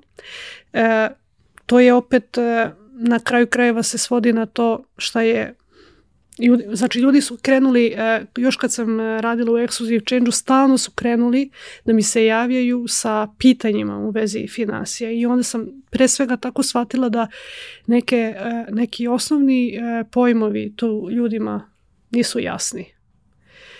I tako da to što si malo prepomenuo, planiranje, beleženje, praćenje financija. To, to su neki, neke stvari koje e, dosta građana zapravo ne koristi. Kao što si rekao, koriste oni koji moraju. Onaj ko mora, on će stvarno to raditi, zato što mora. E, ali već čim nešto ne moraš baš striktno i kako ipak standard e, kreće da, da, da, da raste, zapravo tu kreće dosta toga da se javlja od nekih izdataka koje je upitno e, ne volim da koristim reč potrebno. Zato što nije, nije tu samo bitno da li je tebi nešto potrebno i šta je sad na kraju krajeva dobro raspoređivanje novca. Naravno, imaš je... neke stvari koje su ti neophodne, bez da, kojih ne ali, može, a sve ostalo je... Znaš, nije ni poenta da živiš život u kome ćeš da se odrekneš svega. I ti, ti si u jednom podcastu gdje si gostovao rekao da ako dobro ovaj pamtim da e, ti je majka rekla ili ne, neko od rodbine da kako da budeš dobar čovjek i da bi bilo super da da su možda nas usmerili ka tome kako da budemo srećni. Jeste, majka me usrećila me za ceo život. E, I E, to je meni ostalo baš ovaj, iz, iz e, tvog razgovora i mislim da kad pričamo i o finansijskoj edukaciji i o svemu tome, mislim da je možda jako važno da u tom pravcu razmišljamo kako da mi budemo srećniji sa onim, mislim šta je sad dobro raspoređivanje, ja ću možda reći da e, ja volim da, da odemo ovaj, u u spa centar ili da pojedem ovaj, dobru klopu, ali ću se odreći nečeg drugog. Mislim, pitanje je ko čega želi da se eventualno kada mora, čega ćeš se odreći da bi nešto drugo sebi priuštio. Zapravo poznavanje sebe i kako da, da, da organizujemo naš novac, da mi da nama novac zapravo služi za to da imamo nekako srećni i bolji život. Znaš šta, mislim, naravno tu postoji još jedna stvar, to je da, jeli, svi mi treba da živimo u skladu sa sobom i svojim mogućnostima. To je jedna važna lekcija koju sam ja naučio od uh, jednog od mojih najboljih prijatelja kad sam bio klinac. Ovaj, taj tek što sam prodao firmu, imam ono, 22, 23 godine, lep, mlad, pametan, došao do nekog novca, u suštini znaš, ja sam najbolji na svetu u tom trenutku sebe. I sad, naravno, ovaj, nikad nisam ni razmišljao o tome pre toga, ali jesam se susretao sa nekim stvarima i sad kao vidim sat koji mi se sviđa i kao šta je ovo, to je, ne znam, ono, Konstantin Vašaron ili Odemar Piguet. Dobro, i koliko to košta? Kao 150.000 eura. Šta bi košta 150.000 eura? Ko bre normalan kupuje da... Čovjek mi gleda i kaže, nije to skupo. Kako misliš nije skupo? Nije skupo, samo nije za tebe. To je kao ona priča sa jahtom. Ako te zanima koliko košta održavanje tvoje jahte, ne možeš da priuštiš. To su stvari koje su za ljude kojima to jednostavno nije stavka. Da. Neko ko ima stotine miliona, za njega je okej okay da nosi sat od 150.000. Posebno ako voli te stvari. Znaš, ti neko kaže, to je problem sa, sa, sa nama, ovaj, jeli, sezonskim IT-evcima koji imamo mnogo godina iskustva i sve. Ne, ne možeš kupiš poklon za rođendan. Ja sam kupio sebi sve što sam teo. Možeš ti meni da kupiš nešto, možeš da mi kupiš neko iskustvo. To je, to je najbolja stvar koju možeš da uradiš i to najčešće ne košta najviše para. Ali kao to sad, šta ćeš da mi kupiš? Možeš uvijek da mi kupiš novi Apple hardware koji je izašao, što ja volim sve što ima jabuku na sebi, osim sata, jer ne želim da nosim još jednu stvar koju moram punim svaki dan. Ali kao, u principu, nemaš šta da kupiš. I to je užasno teško i frustrirajuće za neko ko, kome je važno da to skine sa dnevnog reda, da to radi. Ali ja nisam to ispunio sebi za godinu dana, ja sam to sebi ispunio za 20 godina. I vrlo sam dozirao sve to i nisam dozvoljavao da me te stvari koje želim, koliko god da ih želim, da me u bilo kom trenutku ugroze. Što može da se desi, čak i da paziš, može da ti se desi da se, što se kaže, okliznaš. Ovaj, ali e, prateći to što radiš već prilično dugo, ovaj, mislim da, ok, ta struktura i e, to uvođenje ljudi u to da mora da postoji neka struktura, praćenje i sve ostalo, to je ok, ali onaj anegdotalni pristup gde ti na konkretnom primjeru nešto, nešto pokažeš. Znaš, ima, znam taj primjer ovaj, tog nekog kursa za odvika, kursa, edukacije, šta li je, nemam pojma, radionice za odvikavanje od pušenja koja se u suštini svodi na to da ti dođeš i on ti napiš, pitate koliko i sad ne napiše ti tabelu i sabereti koliko je to godišnje i mislim svaka normalna osoba kad vidi koliko je to godišnje kaže sebi pa dobro, možda će, ostaće mi toliko para i neću da smrdim užasno ceo život. ovaj, neko će opet da kaže ne vredi, meni je to, prvo mi je gušt ili ne znam, to mi je način da se izborim sa stresom, šta god, kako god. Nemam problem ni sa jednim ni sa drugim, ali kao, taj apel na racio, kada vidiš, kad se to sve iznoži, sabere, to bude zastrašujuće. Jeste. Ovaj, I kroz te neke stvari kada mi shvatimo da male stvari koje napravimo kao promene, a koje nisu suštinski to, e, nemoj sad da kupiš sladoled. Nego da početak ako ćeš da kupiš sladoled, bar uživaj stvarno u tom sladoledu. Nemoj to da uradiš usput, jer ako to uradiš usput, uh, ti ćeš usput da potrošiš da. mnogo novca ovog meseca i nećeš ni uživati u tom. Svako iskustvo koje ti je značajno, koje, koje ti je važno, znači ja uvek pravim tu paralelu sa djetom zato što to jeste najbolja paralela. Nije sporno ako ćeš ti da budeš potpuno svestan i fokusiran na to šta si jeo tog dana, a vrlo verovatno nećeš da nešto preterano preteraš. Možda i hoćeš jedan dan zato što je dan za to, ali mesec dana u proseku ćeš da budeš ok. E isto tako i ako si svestan kroz šta prolaziš, znaš, skoro smo nešto pričali, pošto jeli, na, naš narod ima i dalje tu potrebu i ovaj, godinama unazad, da e, sve stvari na ovom svetu rešava kešom. Znaš, ono, stan se kupuje za keš. Da. Fali mi toliko i toliko keš. Ti sedneš i kažeš, dobro, brate, evo, ti si, ono, ok, osoba koja je obrazovana i zna da koristi Excel Hajde samo da unesemo u Excel. Ti kupuješ nešto što nije tvoj stan, nego, ili možda jeste, nebitno, ali imaš mesečnu rentu koju plaćaš na kraju dana kad zamenimo u, ujednačeni to da ćeš dati neko učešće koje si možda skupio, košta će te isto, samo što će na kraju ti ostane stan. Ali ako uzimaš to kao neku vrstu investicije ili načina da sačuvaš novac, pa brate, sedi i sračunaj koliko te košta to što si dao ceo taj keš odjednom, a koliko bi te koštalo u varijanti da, ok, učešće neko moraš da daš, ali sve ovo ostalo ide kroz kredit koji se sam otplaćuje, jer se sam otplaćuje od rente od toga što si, što si uzao. I e, ona bazična predstava, gut feeling, kako god hoćeš, koju ljudi imaju o tim stvarima je obično užasno pogrešna. Znači, nemaju pa nikakav osjećaj. Da.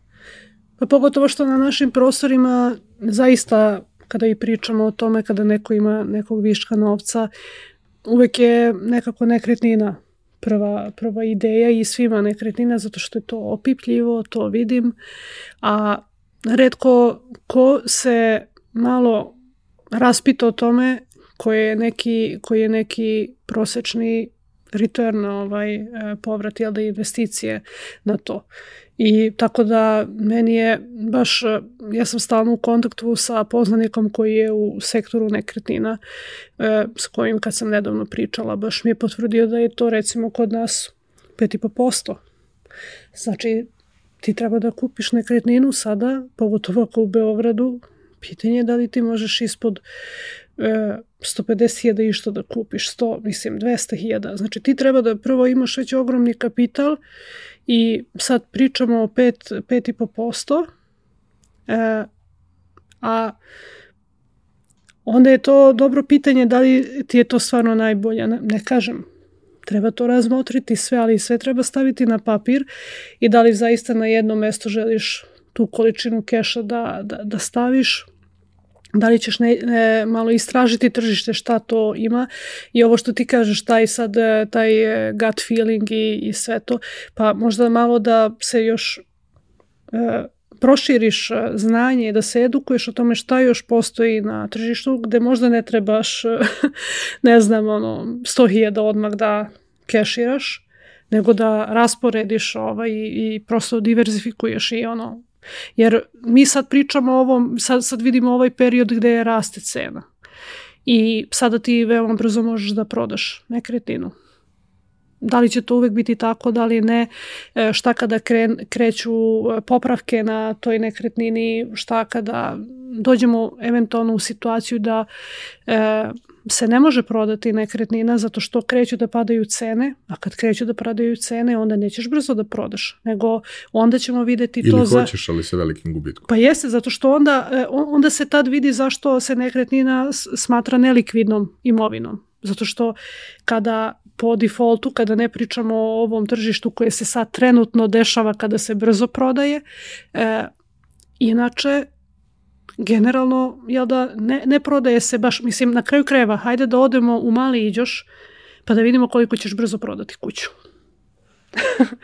I, i, I kad pričamo o nekretninama. Mislim, i, i čak i da brzo prodaš ono, dok procesiraš sve to, dok prođe na, pređe na tebe, mislim, sve to traje.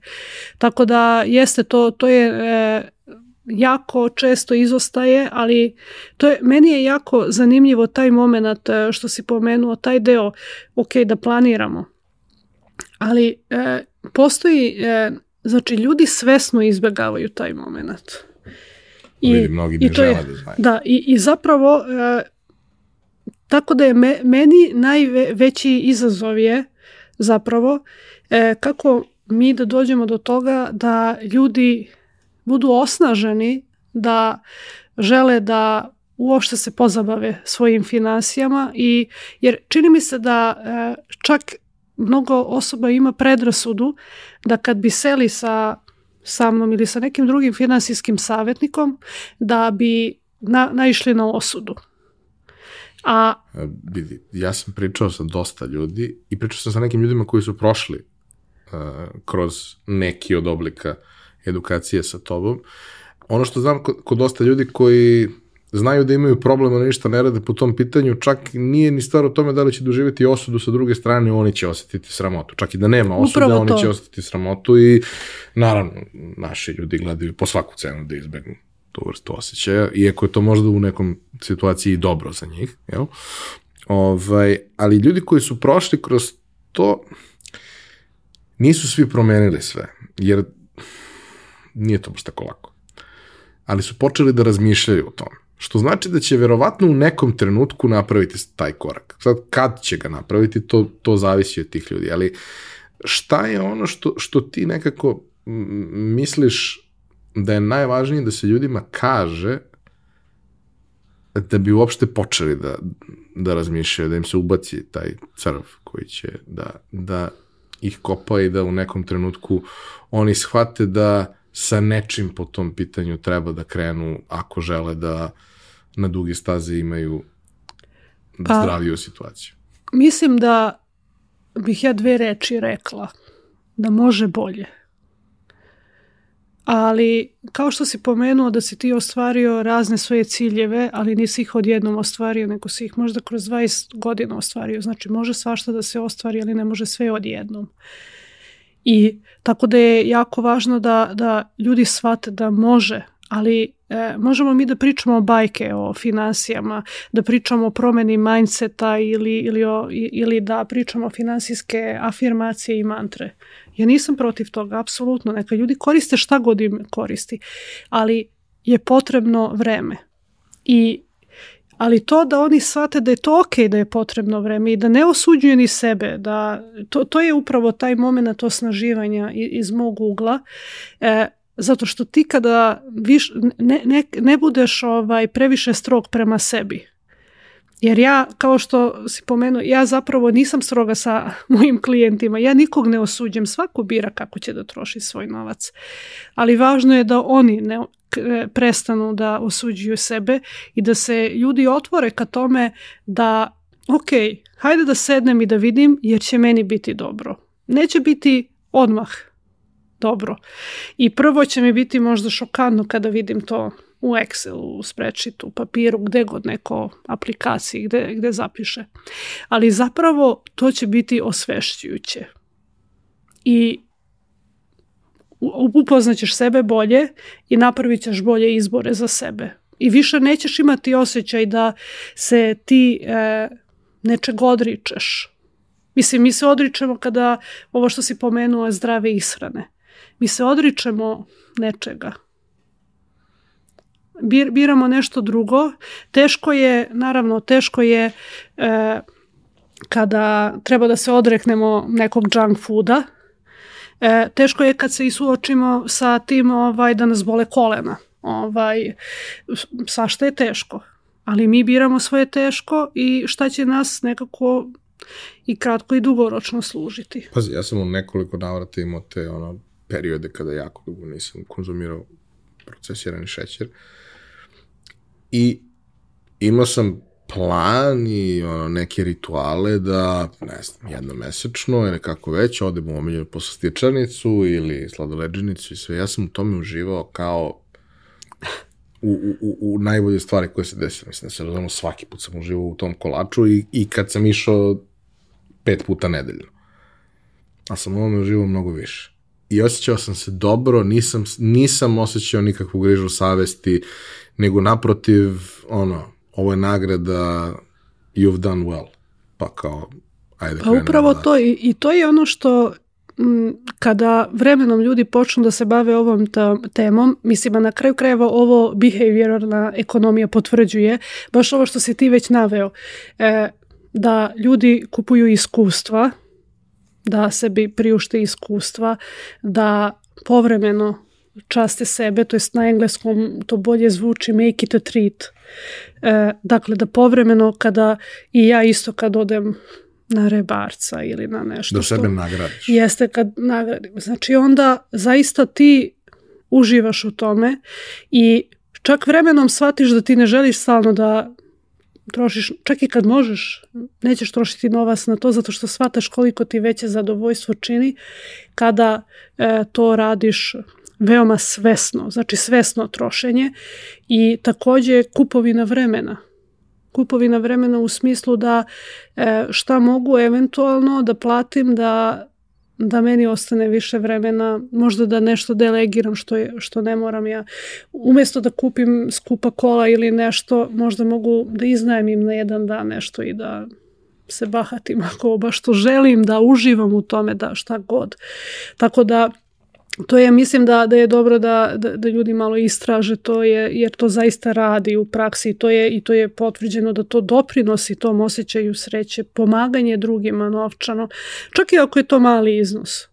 To baš sam čitala dve knjige na, na, na temu, ovaj, o, ovu temu sreće i novac i onda je to bilo isto interesantno da, da davanje, kad god nešto damo nekom doniramo, neka to bude i 200 dinara, čini da imaš osjećaj da, da, da zapravo mogu.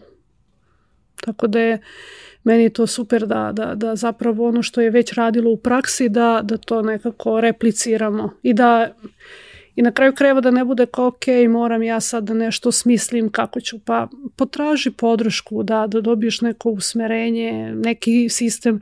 Ja baš uvek ljudima kažem koji koriste i moje edukacije da ja njima zapravo dajem neki veoma jednostavan sistem koji oni će prilagoditi sebi kako žele. E, ali zašto, mislim naravno ako neko želi sad da troši svoje vreme, i kada pričamo recimo jedan na jedan sesijama, kada pričamo o štenji i investiranju. Pa može neko to da sad krene da uči i da istražuje. Ako, naravno, treba će par nedelja možda ili par meseci, doći će do tih zaključaka, a može neko da ti neke momente i da, da pomogne. Ja isto kao oko ishrane ili oko treninga volim da, da koristim ovaj, savete drugih ljudi, pa onda neke stvari ovaj, ostanu, neke prilagodim i znači mi. E, mislim da je dosta bitno ovaj, ako možeš da izdvojiš nekoliko iz tog iskustva u radu sa ljudima nekoliko konkretnih stvari koje ljudi jako često previde. Mislim, najbanalnija stvar koja meni uvek pada na pamet kad je tako nešto u pitanju je onaj moment uh, ljudi koji uh, dakle, ajde, kao fizička lica, jel? Ovaj, koji, ono, tiltuju svoje kreditne kartice non stop, a sa druge strane znam primere pravnih lica koji tiltuju dozvoljeni minus. Ovaj, gde kao, znaš, kao, ajde u jednom trenutku pre, preseci, uzmi kredit, vrati i od tog kredita krene da rotiraš i shvatit ćeš koliko će ti ostati novca samo na te gluposti koje, koje si sebi uradio. Da. Uh, znaš, uđeš u neko vrzino kolo i onda sebi napraviš problem. E sad, kažem, ti si imala i aktivno imaš komunikaciju sa velikim brojem ljudi, izdvoji nekoliko konkretnih stvari gde ljudi jako često jednostavno ne skapiraju šta se dešava i naprave sebi problem. Pa ovo što kažeš za, za kredite, to naravno, mislim, generalno imamo ovo potrošačko društvo koje to, tome pogoduje i, i to, i da se ljudi vrte prosto nikako da izađu, kako kažu, iz du, dužničkog ropstva. E, tu čak postoje, e, postoje neka pitanja šta je najbolja strategija za to, e, jer recimo sad ne, neko ima dugove i sad hoće da kaže, ok, sad ću ja krenuti da to otplaćujem E, I postoje, postavlja se pitanje da li prvo da kreneš da otplaćuješ dug ili da stvoriš neku rezervu.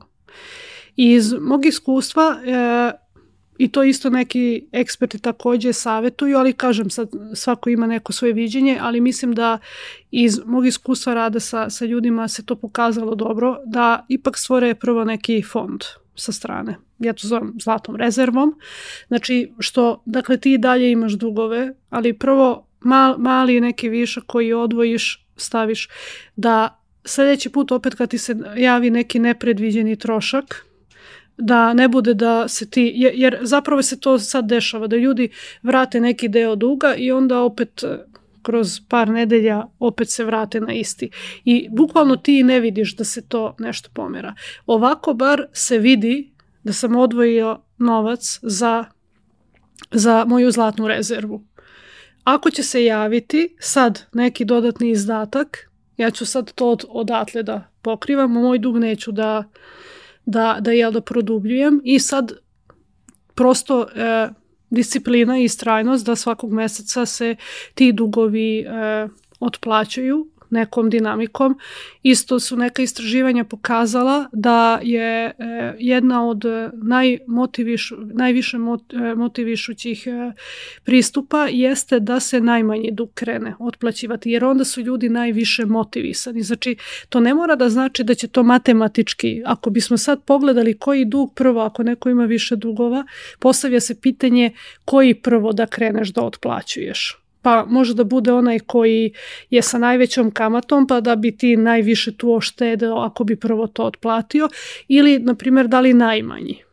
I sad e, neka istraživanja koje su na Harvard e, Business Review ovaj, objavljena su baš to podelila da e, ljudi koji su tako najmanji dug prvo rešili, oni su zapravo bili ja do sad motivisani da nastave Jer dalje. Jer oni vide da se nešto zapravo Jeste, desio. ali i ovaj moment mislim da je veoma ključan da ljudi naprave, neka to bude 2000 dinara, 5, 10 u nekom šteku, jer čini mi se da se ljudi naviknu na to da sve troše do nule i ispod.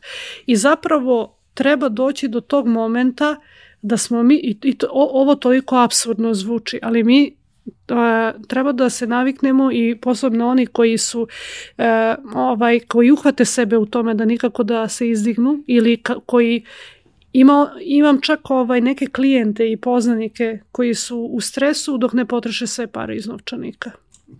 A, I zapravo treba se navići na to da imam tamo neki novac.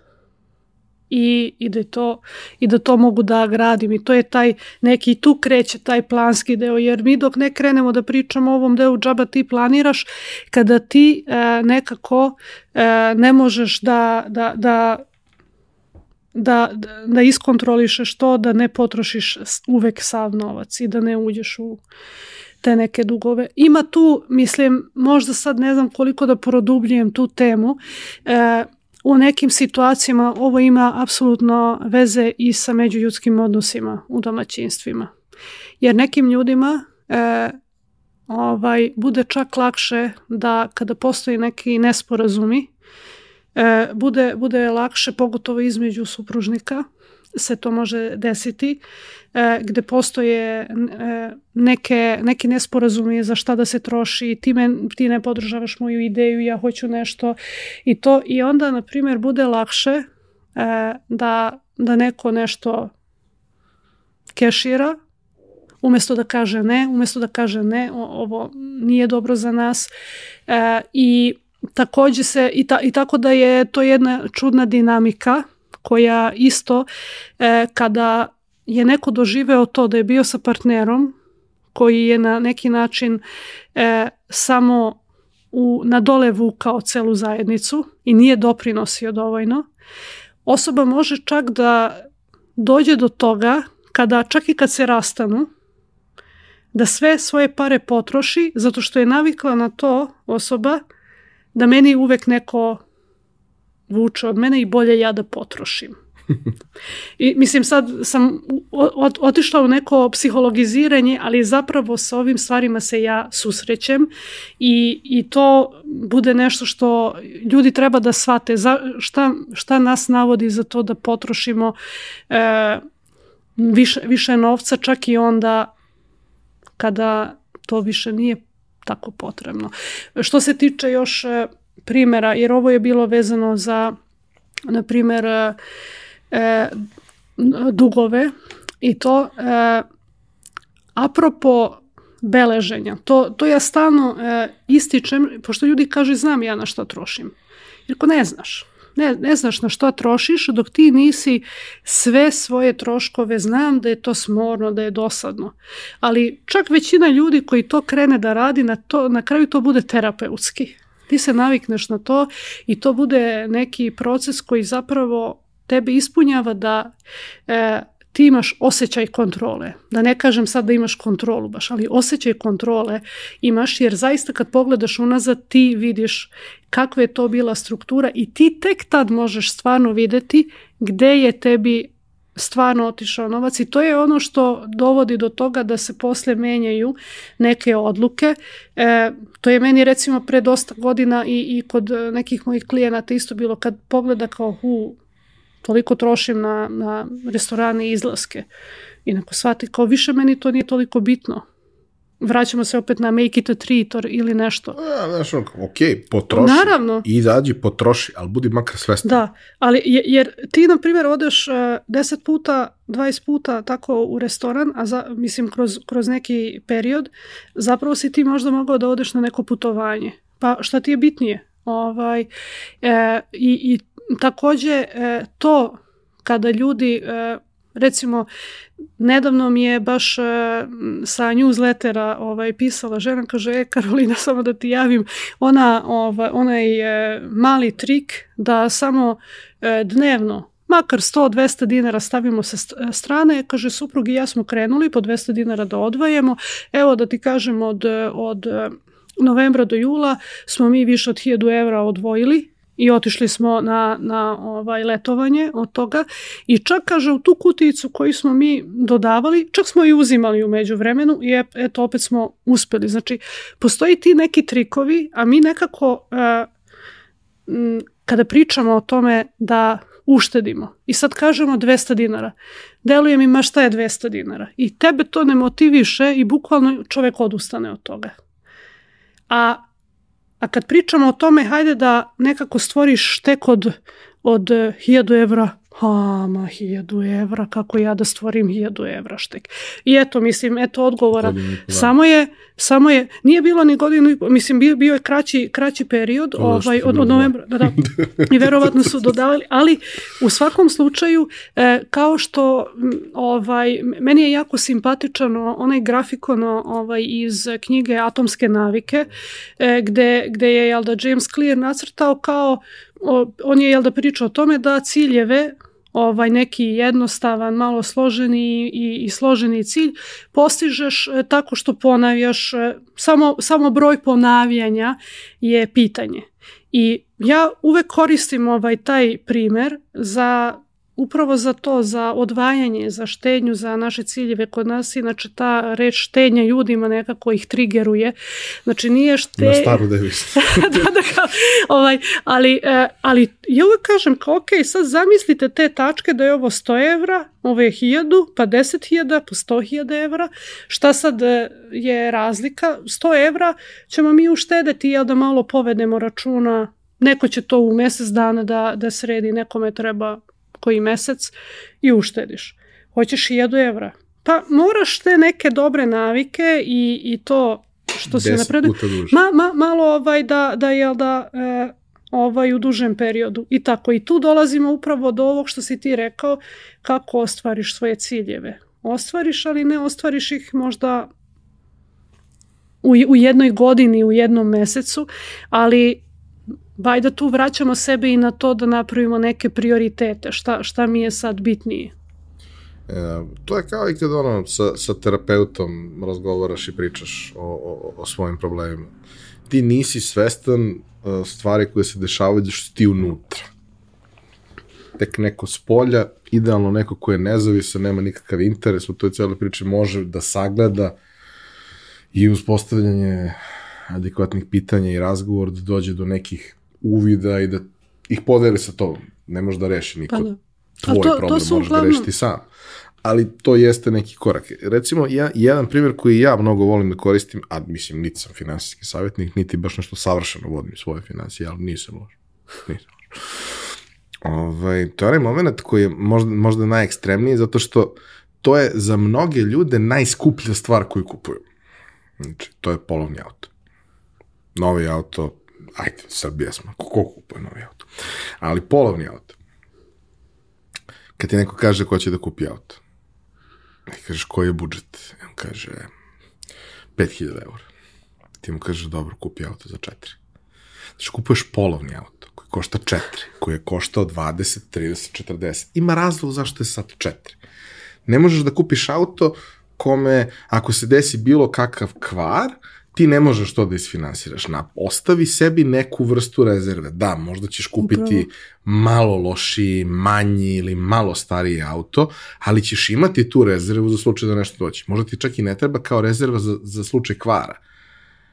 Ali mi smo, mi smo narod koji nema nikakav problem sa tim da u septembru kupi auto i da u oktobru nema para za zimske gume. Pa onda, da. znaš, vidjet ćemo nešto. Šta ćemo da vidimo? To nije fakultativna stvar Nije bitno da li će policija da te uhvati ili neće. Nego je bezbednost, da. Ali to je to upravo e, ti neki, e, meni je jako simpatično, znaš, kada, kada kažemo nepredviđeni troškovi.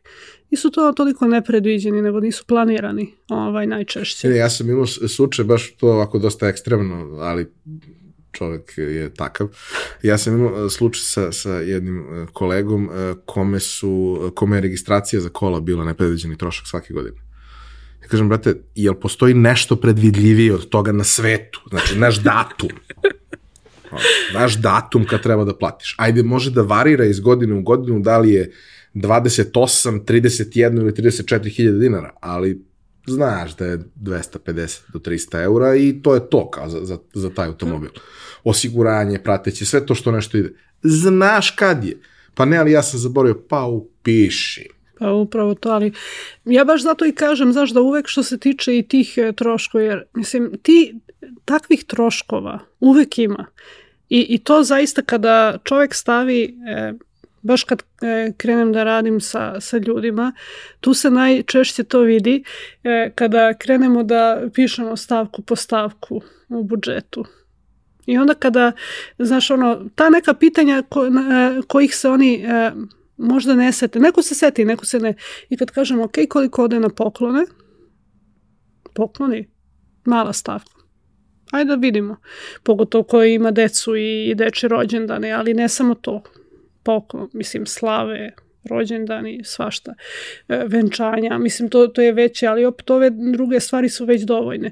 I mislim, klijentkinja nedavno kad je rekla, kaže Karolina, ja kad sam popisala poklone, kaže nikad nisam dodavala u budžet kao onako, ja planiram u glavi ili nešto, zamija moje troškove. I onda kad je zaista stavila poklone, stavila je de, de, 10% prihoda njenih ode na, na poklone. Ja, I tako da i ostali ti neki na primjer, kao, ok, da li imaš kućnog ljubimca?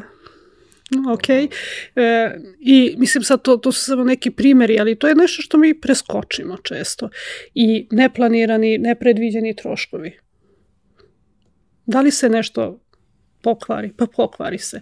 Dakle, u svakom mesečnom budžetu obavezno, sad svako neko odredi da li je to 10, 20%, 5%, ali ja uvek dodam, uvek kažem neka budžet diše. Jer onda ti staviš ok, nešto će se desiti, pa neka imam neki višak. Ako ovaj se ne desi, super, ja sam to ostavila sa strane u zlatnu rezervu, pa imam za neke naredne mesece, jel da još dodatno. Ali ako se desio, mislim da ne pođemo od toga, baš ovo što si rekao za auto, pogotovo ako se nešto polovno kupuje ili nešto, dešavaće se stvari. I, I bolje da se mi pripremimo, jer bolje ćemo se osjećati. Mi... Kao i taj moment isto sa automobilom. A, jel hoćeš da budeš nespokojan, ali spokojniji, da će to bolje da radi? Pa onda ga redovno održavaj. To isto košta neki novac. Možeš i da teraš dok se ne raspadne, to je isto legitiman izbor koji svako treba da napravi. Mene užasava ideja da takvi ljudi takođe postoje u saobraćaju kao i ja, ali to je tako, ne možeš da utičeš na druge ljude. Ali ono, ako hoćeš da ideš sa tako nečim, onda znači da ti nešto što ima vrednost ćeš vrlo verovatno kroz vreme uništiti potpuno, a ako ga održavaš, da, trošit ćeš neki novac, ali ćeš imati nešto što je, što je relativno pouzdano i, i, i, i sve što ustoji. Tako da, da, da, mislim, dosta je teško, mislim, mi sad pričamo o nekim stvarima koje će možda ljudima da zvuče banalno, ali uvek zvuče banalno do trenutka dok ih ne popišeš i ne shvatiš da stvari pa to je uopšte nisu toliko jednostavno. Ali baš ovo što si ti pomenuo, da, da meni je najzanimljivije kada mi se jave klijenti kao, evo Karolina, odlučio sam, odlučio sam da si se javim, jer stvarno vidim da sad kada 400, 500, 1000 evra više zarađujem, opet sam na nuli. Naravno, ima inflacije, ima svega. Ali ipak ljudi sami shvate da, da, da nekad već nije samo do prihoda, jer ja zaista imam e, situaciju sa klijentima gde vidimo kako osoba sama može 4000 evra veoma lako da potroši u Srbiji, veoma lako. I stvarno pređeš, ti, tebi je jasno gde je to otišlo. Svašta može da se e, potroši, zaista. I, I to je kada što više novca je u domaćinstvu, više postoji načina Mislim, čo, čo, čo, da čovek, će veoma, čo, čovek će veoma lako da, da, da nađe način da, da potroši i to je ono što si dosta ranije da, danas ono pomenuo da nije stvar samo količine novca. Mislim, to sad može nekome stvarno da bude floskula, ali, ali nije stvar samo količine novca. Ima ljudi koji sa ovaj manjom količinom novca, naravno postoji neki iznos koji je potreban uglavnom za neki ok život. Ali ima ljudi koji zaista umeju da tako rasporede da, da, da to bude odlično, budu srećni, e, troše na ono što, što ih ispunjava I onda imaš ovaj, ljude koji znatno više zarađuju, ali nekako imaju osjećaj da nikad mi nije dovoljno i što ti kažeš kupi se auto i nemam za zimske gume. Ali pre svega kakav je tvoj osjećaj onda? Ti imaš osjećaj kao da nemaš dovoljno. A samo nije za tebe. I, a samo nije I za tebe. I možda nije za tebe sada. Ako ti je to baš toliki cilj, pa postoji način da, da. do toga dođeš. Ali nije za tebe u ovom trenutku. I taj moment kad ti analiziraš na vremenskoj liniji period duži od par meseci, godinu dana, šta si na koliko potrošio? Tvoje je, troši ga. Samo kada vidiš koliko je to proceni, da li si htio da ga potrošiš na to ili na nešto drugo. Da li bi ti nešto drugo više značilo? Pa i to je, kada pogledamo sadašnje, sadašnji moment, ja, jako je to zanimljivo da e, mi sad gledamo, ok, hoću sada da dobro živim. E, ali šta bi bilo ako, ako taj deo novca, bismo mi, neki deo novca bismo drugačije rasporedili i kada bismo, jer često sad neki, neki ljudi maštaju o tome, ok, šta ako bih e, mogao možda i ranije da se penzionišem, ali ne, mislim, ne, ne da se penzionišeš, ne, nego da kažeš da možeš više da biraš poslove koje ćeš da, da radiš. Svaki dan kažem. I, I ako u nekom momentu života tu postoji neka dovoljna količina novca koji ti možeš na najbolji način da rasporediš, ti možda možeš zapravo sebi da tamo kupuješ vreme. Znaš kako, znaš kako ja to kažem?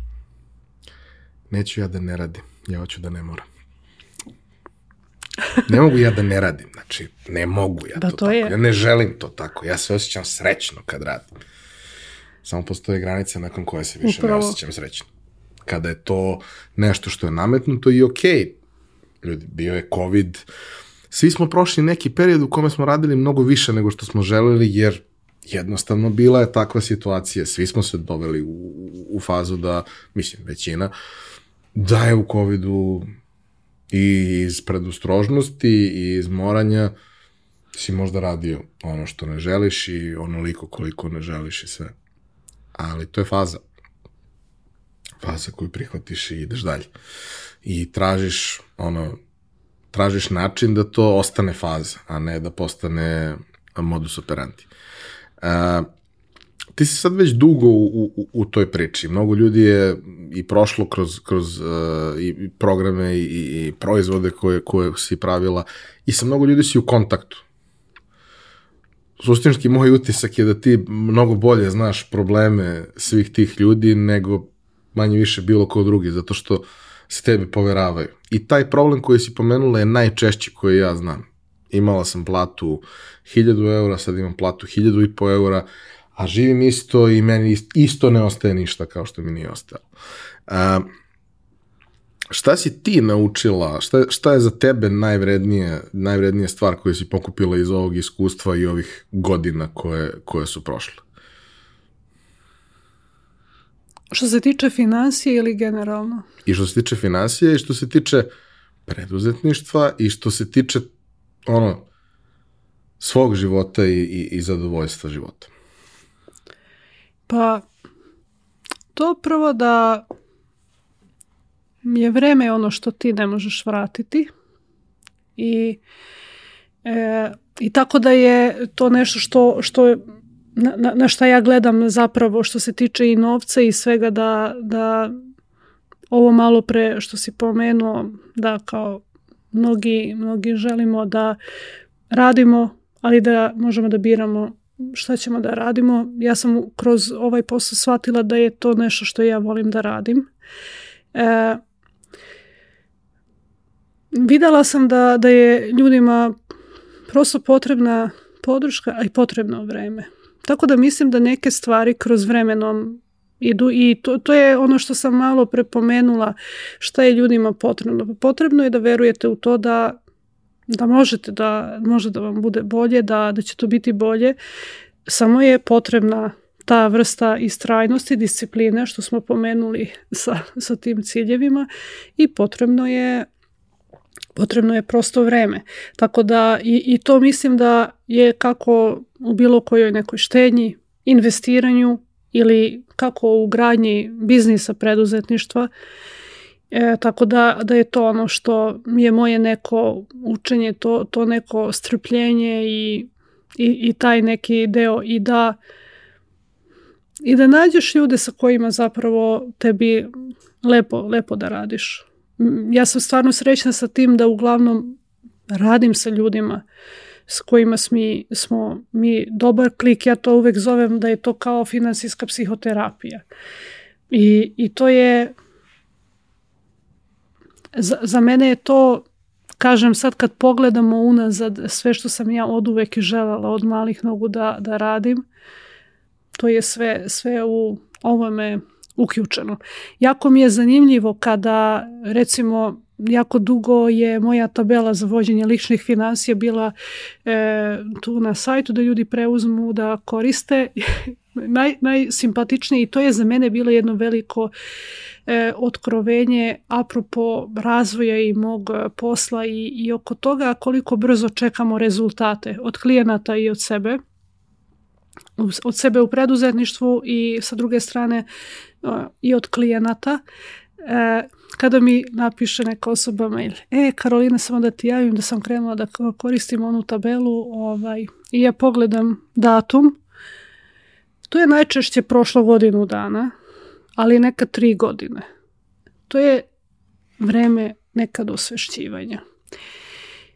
Oko investiranja sam e, videla da kada imam ovaj, jedan na jedan sesiju sa, sa klijentima, od momenta kad su oni veoma spremni da već imaju novac koji stoji i ne ide nikakva kamata, ništa, samo stoji, do momenta kada zaista se napravi odluka ka investiranju, minimum godinu dana prođe. E, ali mi je još bilo simpatičnije jedna klijentkinja koja je posle pet godina, a žena je već pre pet godina imala sve informacije. Ja sam je pitala šta si ti meni došla, je rekao na konsultaciji, rekao ti sve znaš. Da, da, ali da mi to zajedno prođemo, potvrdimo. I posle pet godina ona opet dođe na edukaciju i rekao šta ćeš ti ovde opet? I rekao ja, zar već, i, i shvatiš koliko je zapravo to moment, nije tu stvar uh, ni znanja, ni, ni nekad jeste znanje, naravno sad oko investiranja, pogotovo kad pričamo, ipak ljudi treba da se potkrepe informacijama i znanjem, ali sa druge strane je tu taj korak, šta je ljudima potrebno da, da naprave korak. E, zato kažem, vreme je dobro, do, dobro i to je pitanje šta mogu da uradim, tako da se meni svodi moje pitanje i moj izazov sa klijentima, pored svih ovih e, koji istražujemo šta doprinosi, da bolje rasporedimo sve te sistemi, trikovi koje, o kojima mi pričamo, kako da bolje budžetiraju, bolje štede i sve ostalo, se za mene svodi e, kako da smanjimo ono vreme koje je potrebno do akcije. Jer kada ja pogledam čak i u mom biznisu e, sa prvim preduzetništvom, sad daću preduzetnički primjer, ali to može zapravo da bude bilo koji primjer. E, kakav rezultat ćemo mi postići i da li ćemo napraviti neku ovaj, možda i dobru odluku, da li ćemo upasti u neke finansijske probleme ili ćemo doći do nekih dobrih rezultata, zavisi koliko vreme protekne od momenta kada mi znamo što treba da uradimo do tad kad to uradimo. Jer ja sam mojom e, prvom firmom sam već bila svesna da to se ne razvija, ali nekako nisam bila spremna da zatvorim. A znaš da deo je da ne može ni tek tako da se zatvori, to je makar tri meseca proces i tako dalje. I čak i kad sam se vratila ovaj, u Exclusive Change da radim i kad sam rekla ok, Godinu dana mi je trebalo da ja to sa sobom prekrstim. Znači ja sam plaćala poreze, doprinose i ostalo i knjigovođu još godinu dana dok sam ja sa sobom. Znači tad ja više nisam bila u finansijskim problemima. Ali šta bi bilo, znam onaj, one grafikone, mesec, 100 evra ako uložimo na 20, 30, 40 godina na koliko poraste. I ja sad samo razmišljam da sam ja onih 300-400 evra koji sam plaćala mesečno na doprinose dok sam ja sa sobom presekla. Isto tako kada neko zna da prihodi trenutni možda ne pokrivaju tako troškove, da tu postoji neki problem i ne preduzimamo situaciju, ne, neko, neki korak. Dakle, to će dovoditi do produbljivanja dugova. I, i što mi pre, jel da preduzmemo aktivnost, to će se dugovi manje produbiti. Ili, ili obrnuto, naravno, ako pričamo o investiciji, što pre mi napravimo jel da korak ka investiranju, odvajanju novca, to će to više da poraste. Pa tako da je meni to ključno pitanje kako mi sa vremenom da se, kako, izborima. Imamo, imamo mi dosta tih problema mentalitetskih ovde. Ja sam to sa, sa jednim prijateljem ovaj, imao situaciju pre, pre par godina, smo baš dosta pričali o tome i on, čovek, porodica, oni imaju neke mesečne troškove koje, kad sam mu ja rekao, ajde napravi neku projekciju koliko je, to stvarno to nije, mislim, to je bila neka vrlo realna procena koliko njima novca treba i oni jesu živjeli sa tom količinom novca.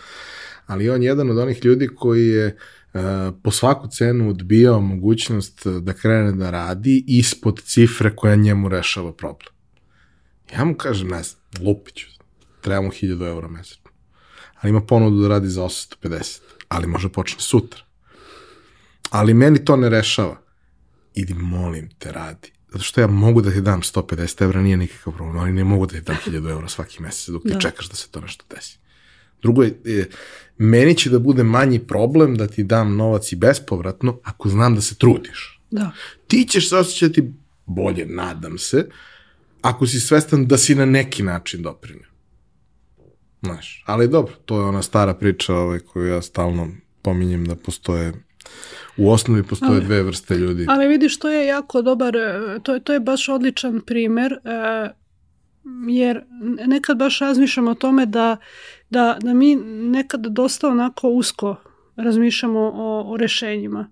I sad kad se vratimo na to isto kada su meni ponudili jel da posao, pa su ali sa manjom ovaj platom ja sam mogla jel da, da reagujem i iz ega i iz svega, jel da, da kažem. Mislim, bilo je tu nekog jel da čak udara na dostojanstvo, svašta.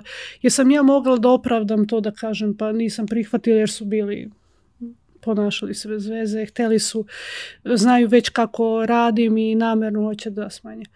Ali ti nekad biraš, ti, ti nekad biraš kako ćeš nešto da, da, da i doživiš i nikad ne znaš kako, gde te može nešto e, i, i, i dovesti. I isto se sećam e, ovaj priče kada mi je ovaj poznanica govorila o rođaki koja u centru Beograda ima ne može da pokrije ovaj troškove režije i to zato što veliki stan, ovaj centar grada, više od 100 kvadrata, ovaj troškovi su tad već bili 20 nešto hiljada, žena penzionerka i to.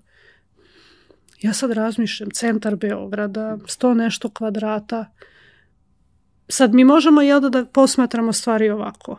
Da sam ja tu u centru Beograda sa ovaj 100 kvadrata sama, ovaj, i ne mogu da pokrijem od penzije troškove, što naravno jeste problem, ali da li postoje zapravo rešenja ako mi malo nekako budemo fleksibilni, može da se to izda pa da ti negde drugde živiš, a da full super živiš ovaj od ostatka ili da se to proda i da ti uzmeš nešto manje i opet ti do kraja života imaš da, da živiš. Znači, za decu, porodicu, koga god. Mislim, jedna isto klijentkinja, ona je na primjer recimo napravila odluku da stan e, neki manji, ali na dobroj lokaciji u Beogradu izdaju, ovaj ona ima veću porodicu i da se ovaj otišli su ovaj u, u drugi deo Beograda gde su znatno bile manje ovaj cene najma. I ona je čak imala jedan viš, višak novca. Em što je imala i veći prostor, imala je čak i neki višak novca. Tako da e, postoje rešenja, ali, ali mi možemo nekad stavijamo sebe u tu poziciju žrtve pa da je sad ja da moram da ovo uradim, ja sad moram da progutam to pa da se vratim ovaj na, na taj posao tako ili ja sad da napravim tako velike promene. A onda To ti je uvek ono pitanje kad ti neko kaže nisam imao izbora, da li stvarno nisi imao izbora? Ili ti samo neki izbor koji si imao nije u tom trenutku delovao dovoljno dobro? Mislim, mi uvek biramo, zaista uvek biramo. I to to je stvarno u našoj zemlji to teško reći, pogotovo kada jako puno ljudi jeste i na granici siromaštva. Ali ipak jako je samo važno pitanje da svako postavi iskreno pitanje, iskreno, iskreno odgovori sebi da li ja zaista nemam izbor. Ne treba to meni, tebi neko, neko da kaže. Ne, sebi treba da kaže da li zaista nemam izbor. Ili samo biram da, ja se sećam jednog ovaj, intervjua za posao kada ovaj, za blagajnika je neko sam nekog intervjuisala davno, davno, previše od deset godina je da i e, i kada je isto osoba rekla kao, da, kao pa da, ne mogu dugo da pronađem posao i to, da, ali ja ispod te cifre neću da radim.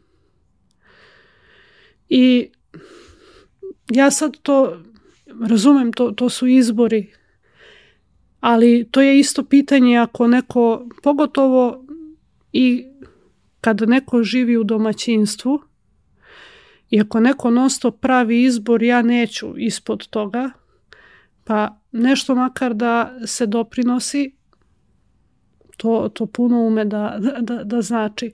Tako da, ali čak i ako neko ne ode na posao, ok, ali šta radiš, mislim... Samo ka, budi svestan. Samo budi svestan mislim, da si imao izbor. To, to, je, to je taj moment izbor, često postoji, možda nam se ne sviđa izbor. Bilo je puno puta i ja kad sam ovaj, prosto nešto izabrala i finansijski i nešto što... Između loši, lošeg i goreg. da, ali... I dalje postoji. Ali kad neka, neke, preko nekih stvari kad pređeš zaista, mislim, čovek vremenom ovaj, bude, bude ponosan na sebe kada napravi i te teške izbore i odluke. Karolina, pre svega, hvala ti za sve što radiš i mislim da svako ko, ko ovo sluša treba za početak da te zaprati i da počne taj ciklus od jedne do tri godine. Ove, slažem se da je to otprilike toliko za, za, za veliku većinu ljudi. Ali da prosto malo više ima tu temu pred očima, prosto malo više u tim uh, momentima kada je prazan hod, mozak koji ne može da stane, malo razmišlja i o tome, pa da vidimo gde će to sve da nas dovede. Hvala ti što si podelila tvoju priču ovaj, i što si bila iskrena, zato što ja zaista verujem za mnoge stvari, iako to nije uslov da neko bude dobar u tome što radi, ali mnogo je lakše verovati osobi koja je pokazala svoje ožiljke. Jer to kad ti neko abstraktno priča kako je, znaš, kad ti lepa osoba priča o tome kako je e, teško biti lep, ti si u fazonu dobro, ajde da probamo i, i tu opciju. Ove, ovaj, hvala ti puno. Hvala vama što ste nas slušali. Um, nadam se da vam je bilo interesantno i korisno. Zapratite uh, Karolinu na, na društvenim mrežama, pogledajte uh, sajt, popričajte sa sobom, u kućanima, popričajte sa poslodavcem možda ovaj, o svemu tome. I ako imate neko pitanje, neki komentar, sugestiju, iskoristite za to ovaj, polje za komentare na YouTube-u i to bi bilo to. Mi se ovaj, vidimo i čujemo ponovo naredne nedelje. Realizacija pojačala podcasta ne bi bila moguće bez naših izuzetnih partnera. Kompanije Epson, koja je vodeći svetski proizvođač projektora i štampača za sve namene, i kompanije Orion Telekom, provajdera najbrže internet infrastrukture u Srbiji sa preko 30 godina iskustva. Više informacija o njima i njihovoj ponudi pronaćete u opisu epizode.